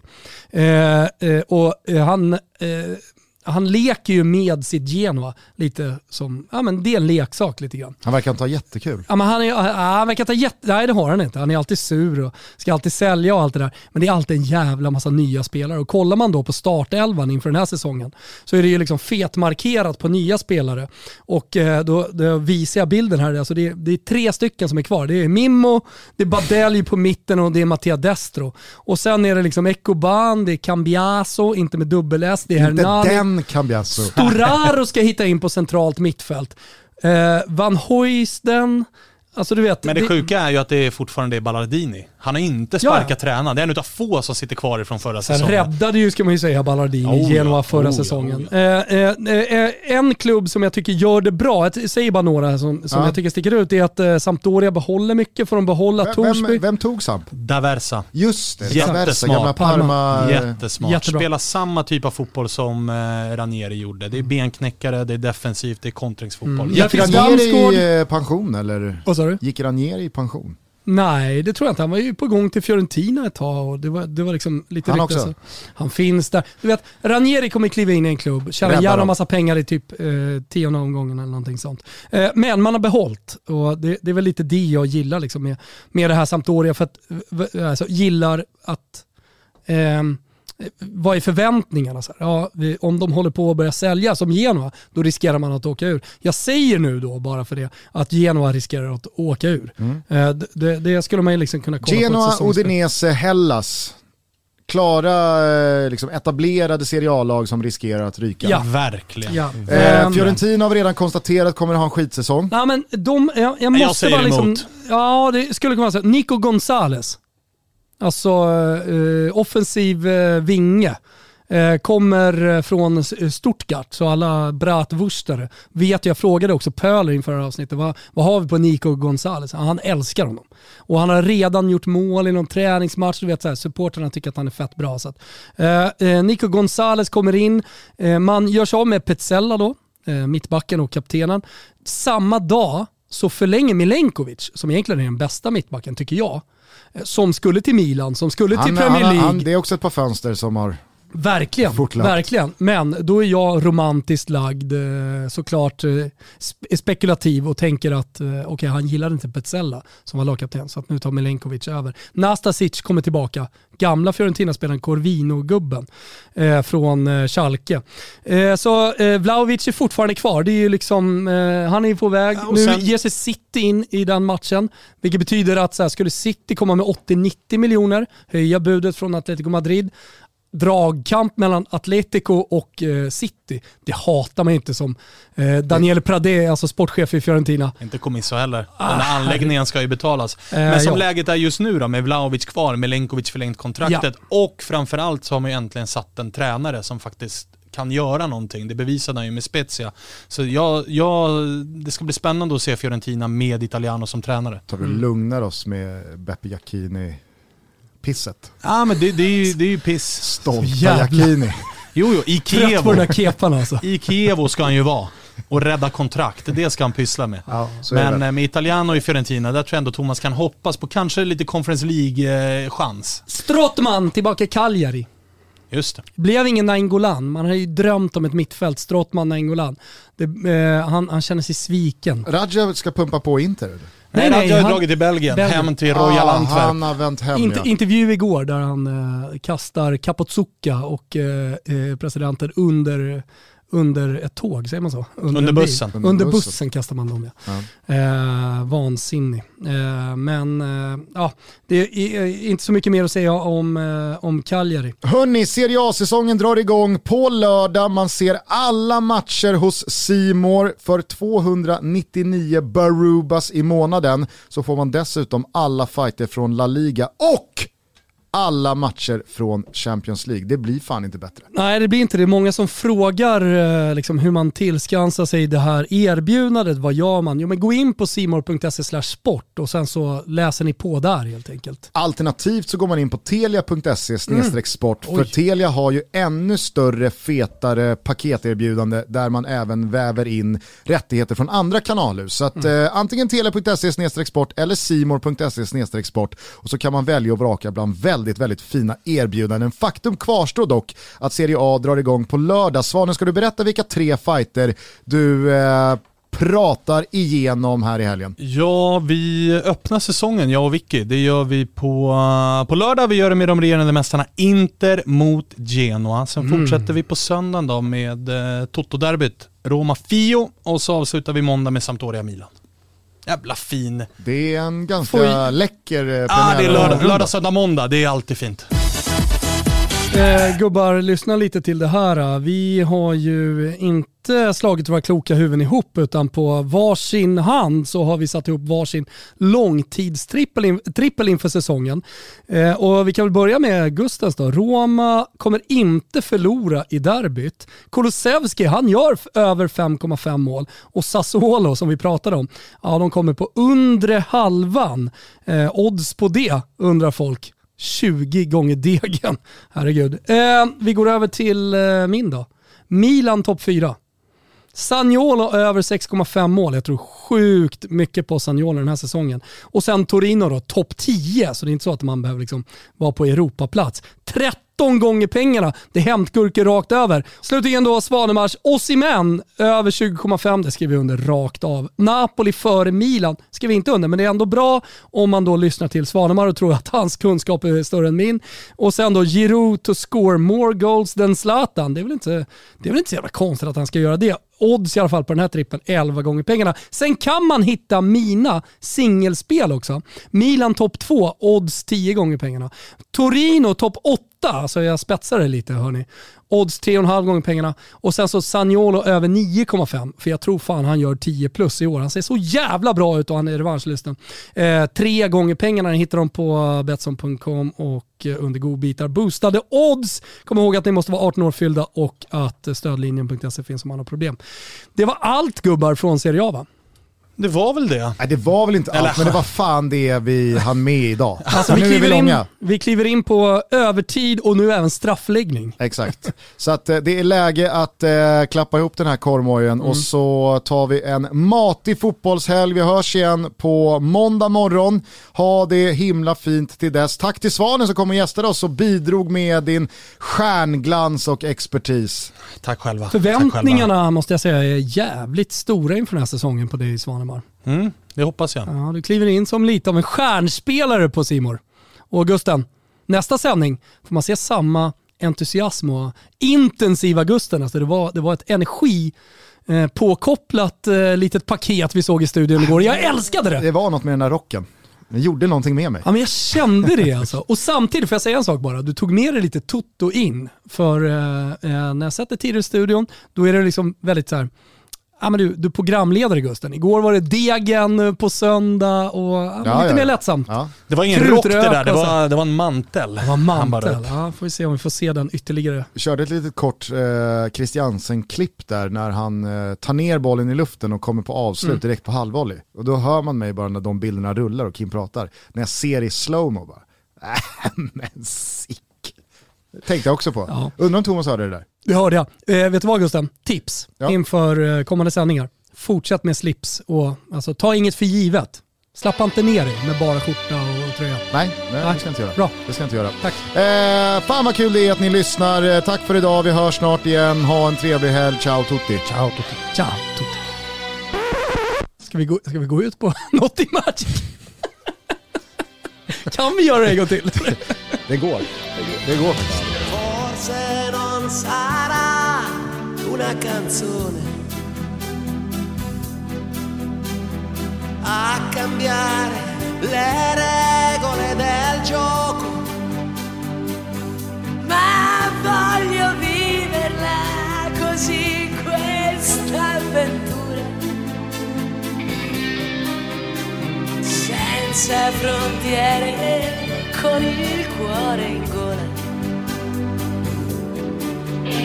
E il mondo in una giostra di colori. E il vento accarezza le bandiere. Arriva un brivido e ti trascina via. Cogli in un abbraccio la follia. Notti magiche, inseguendo gol. Sono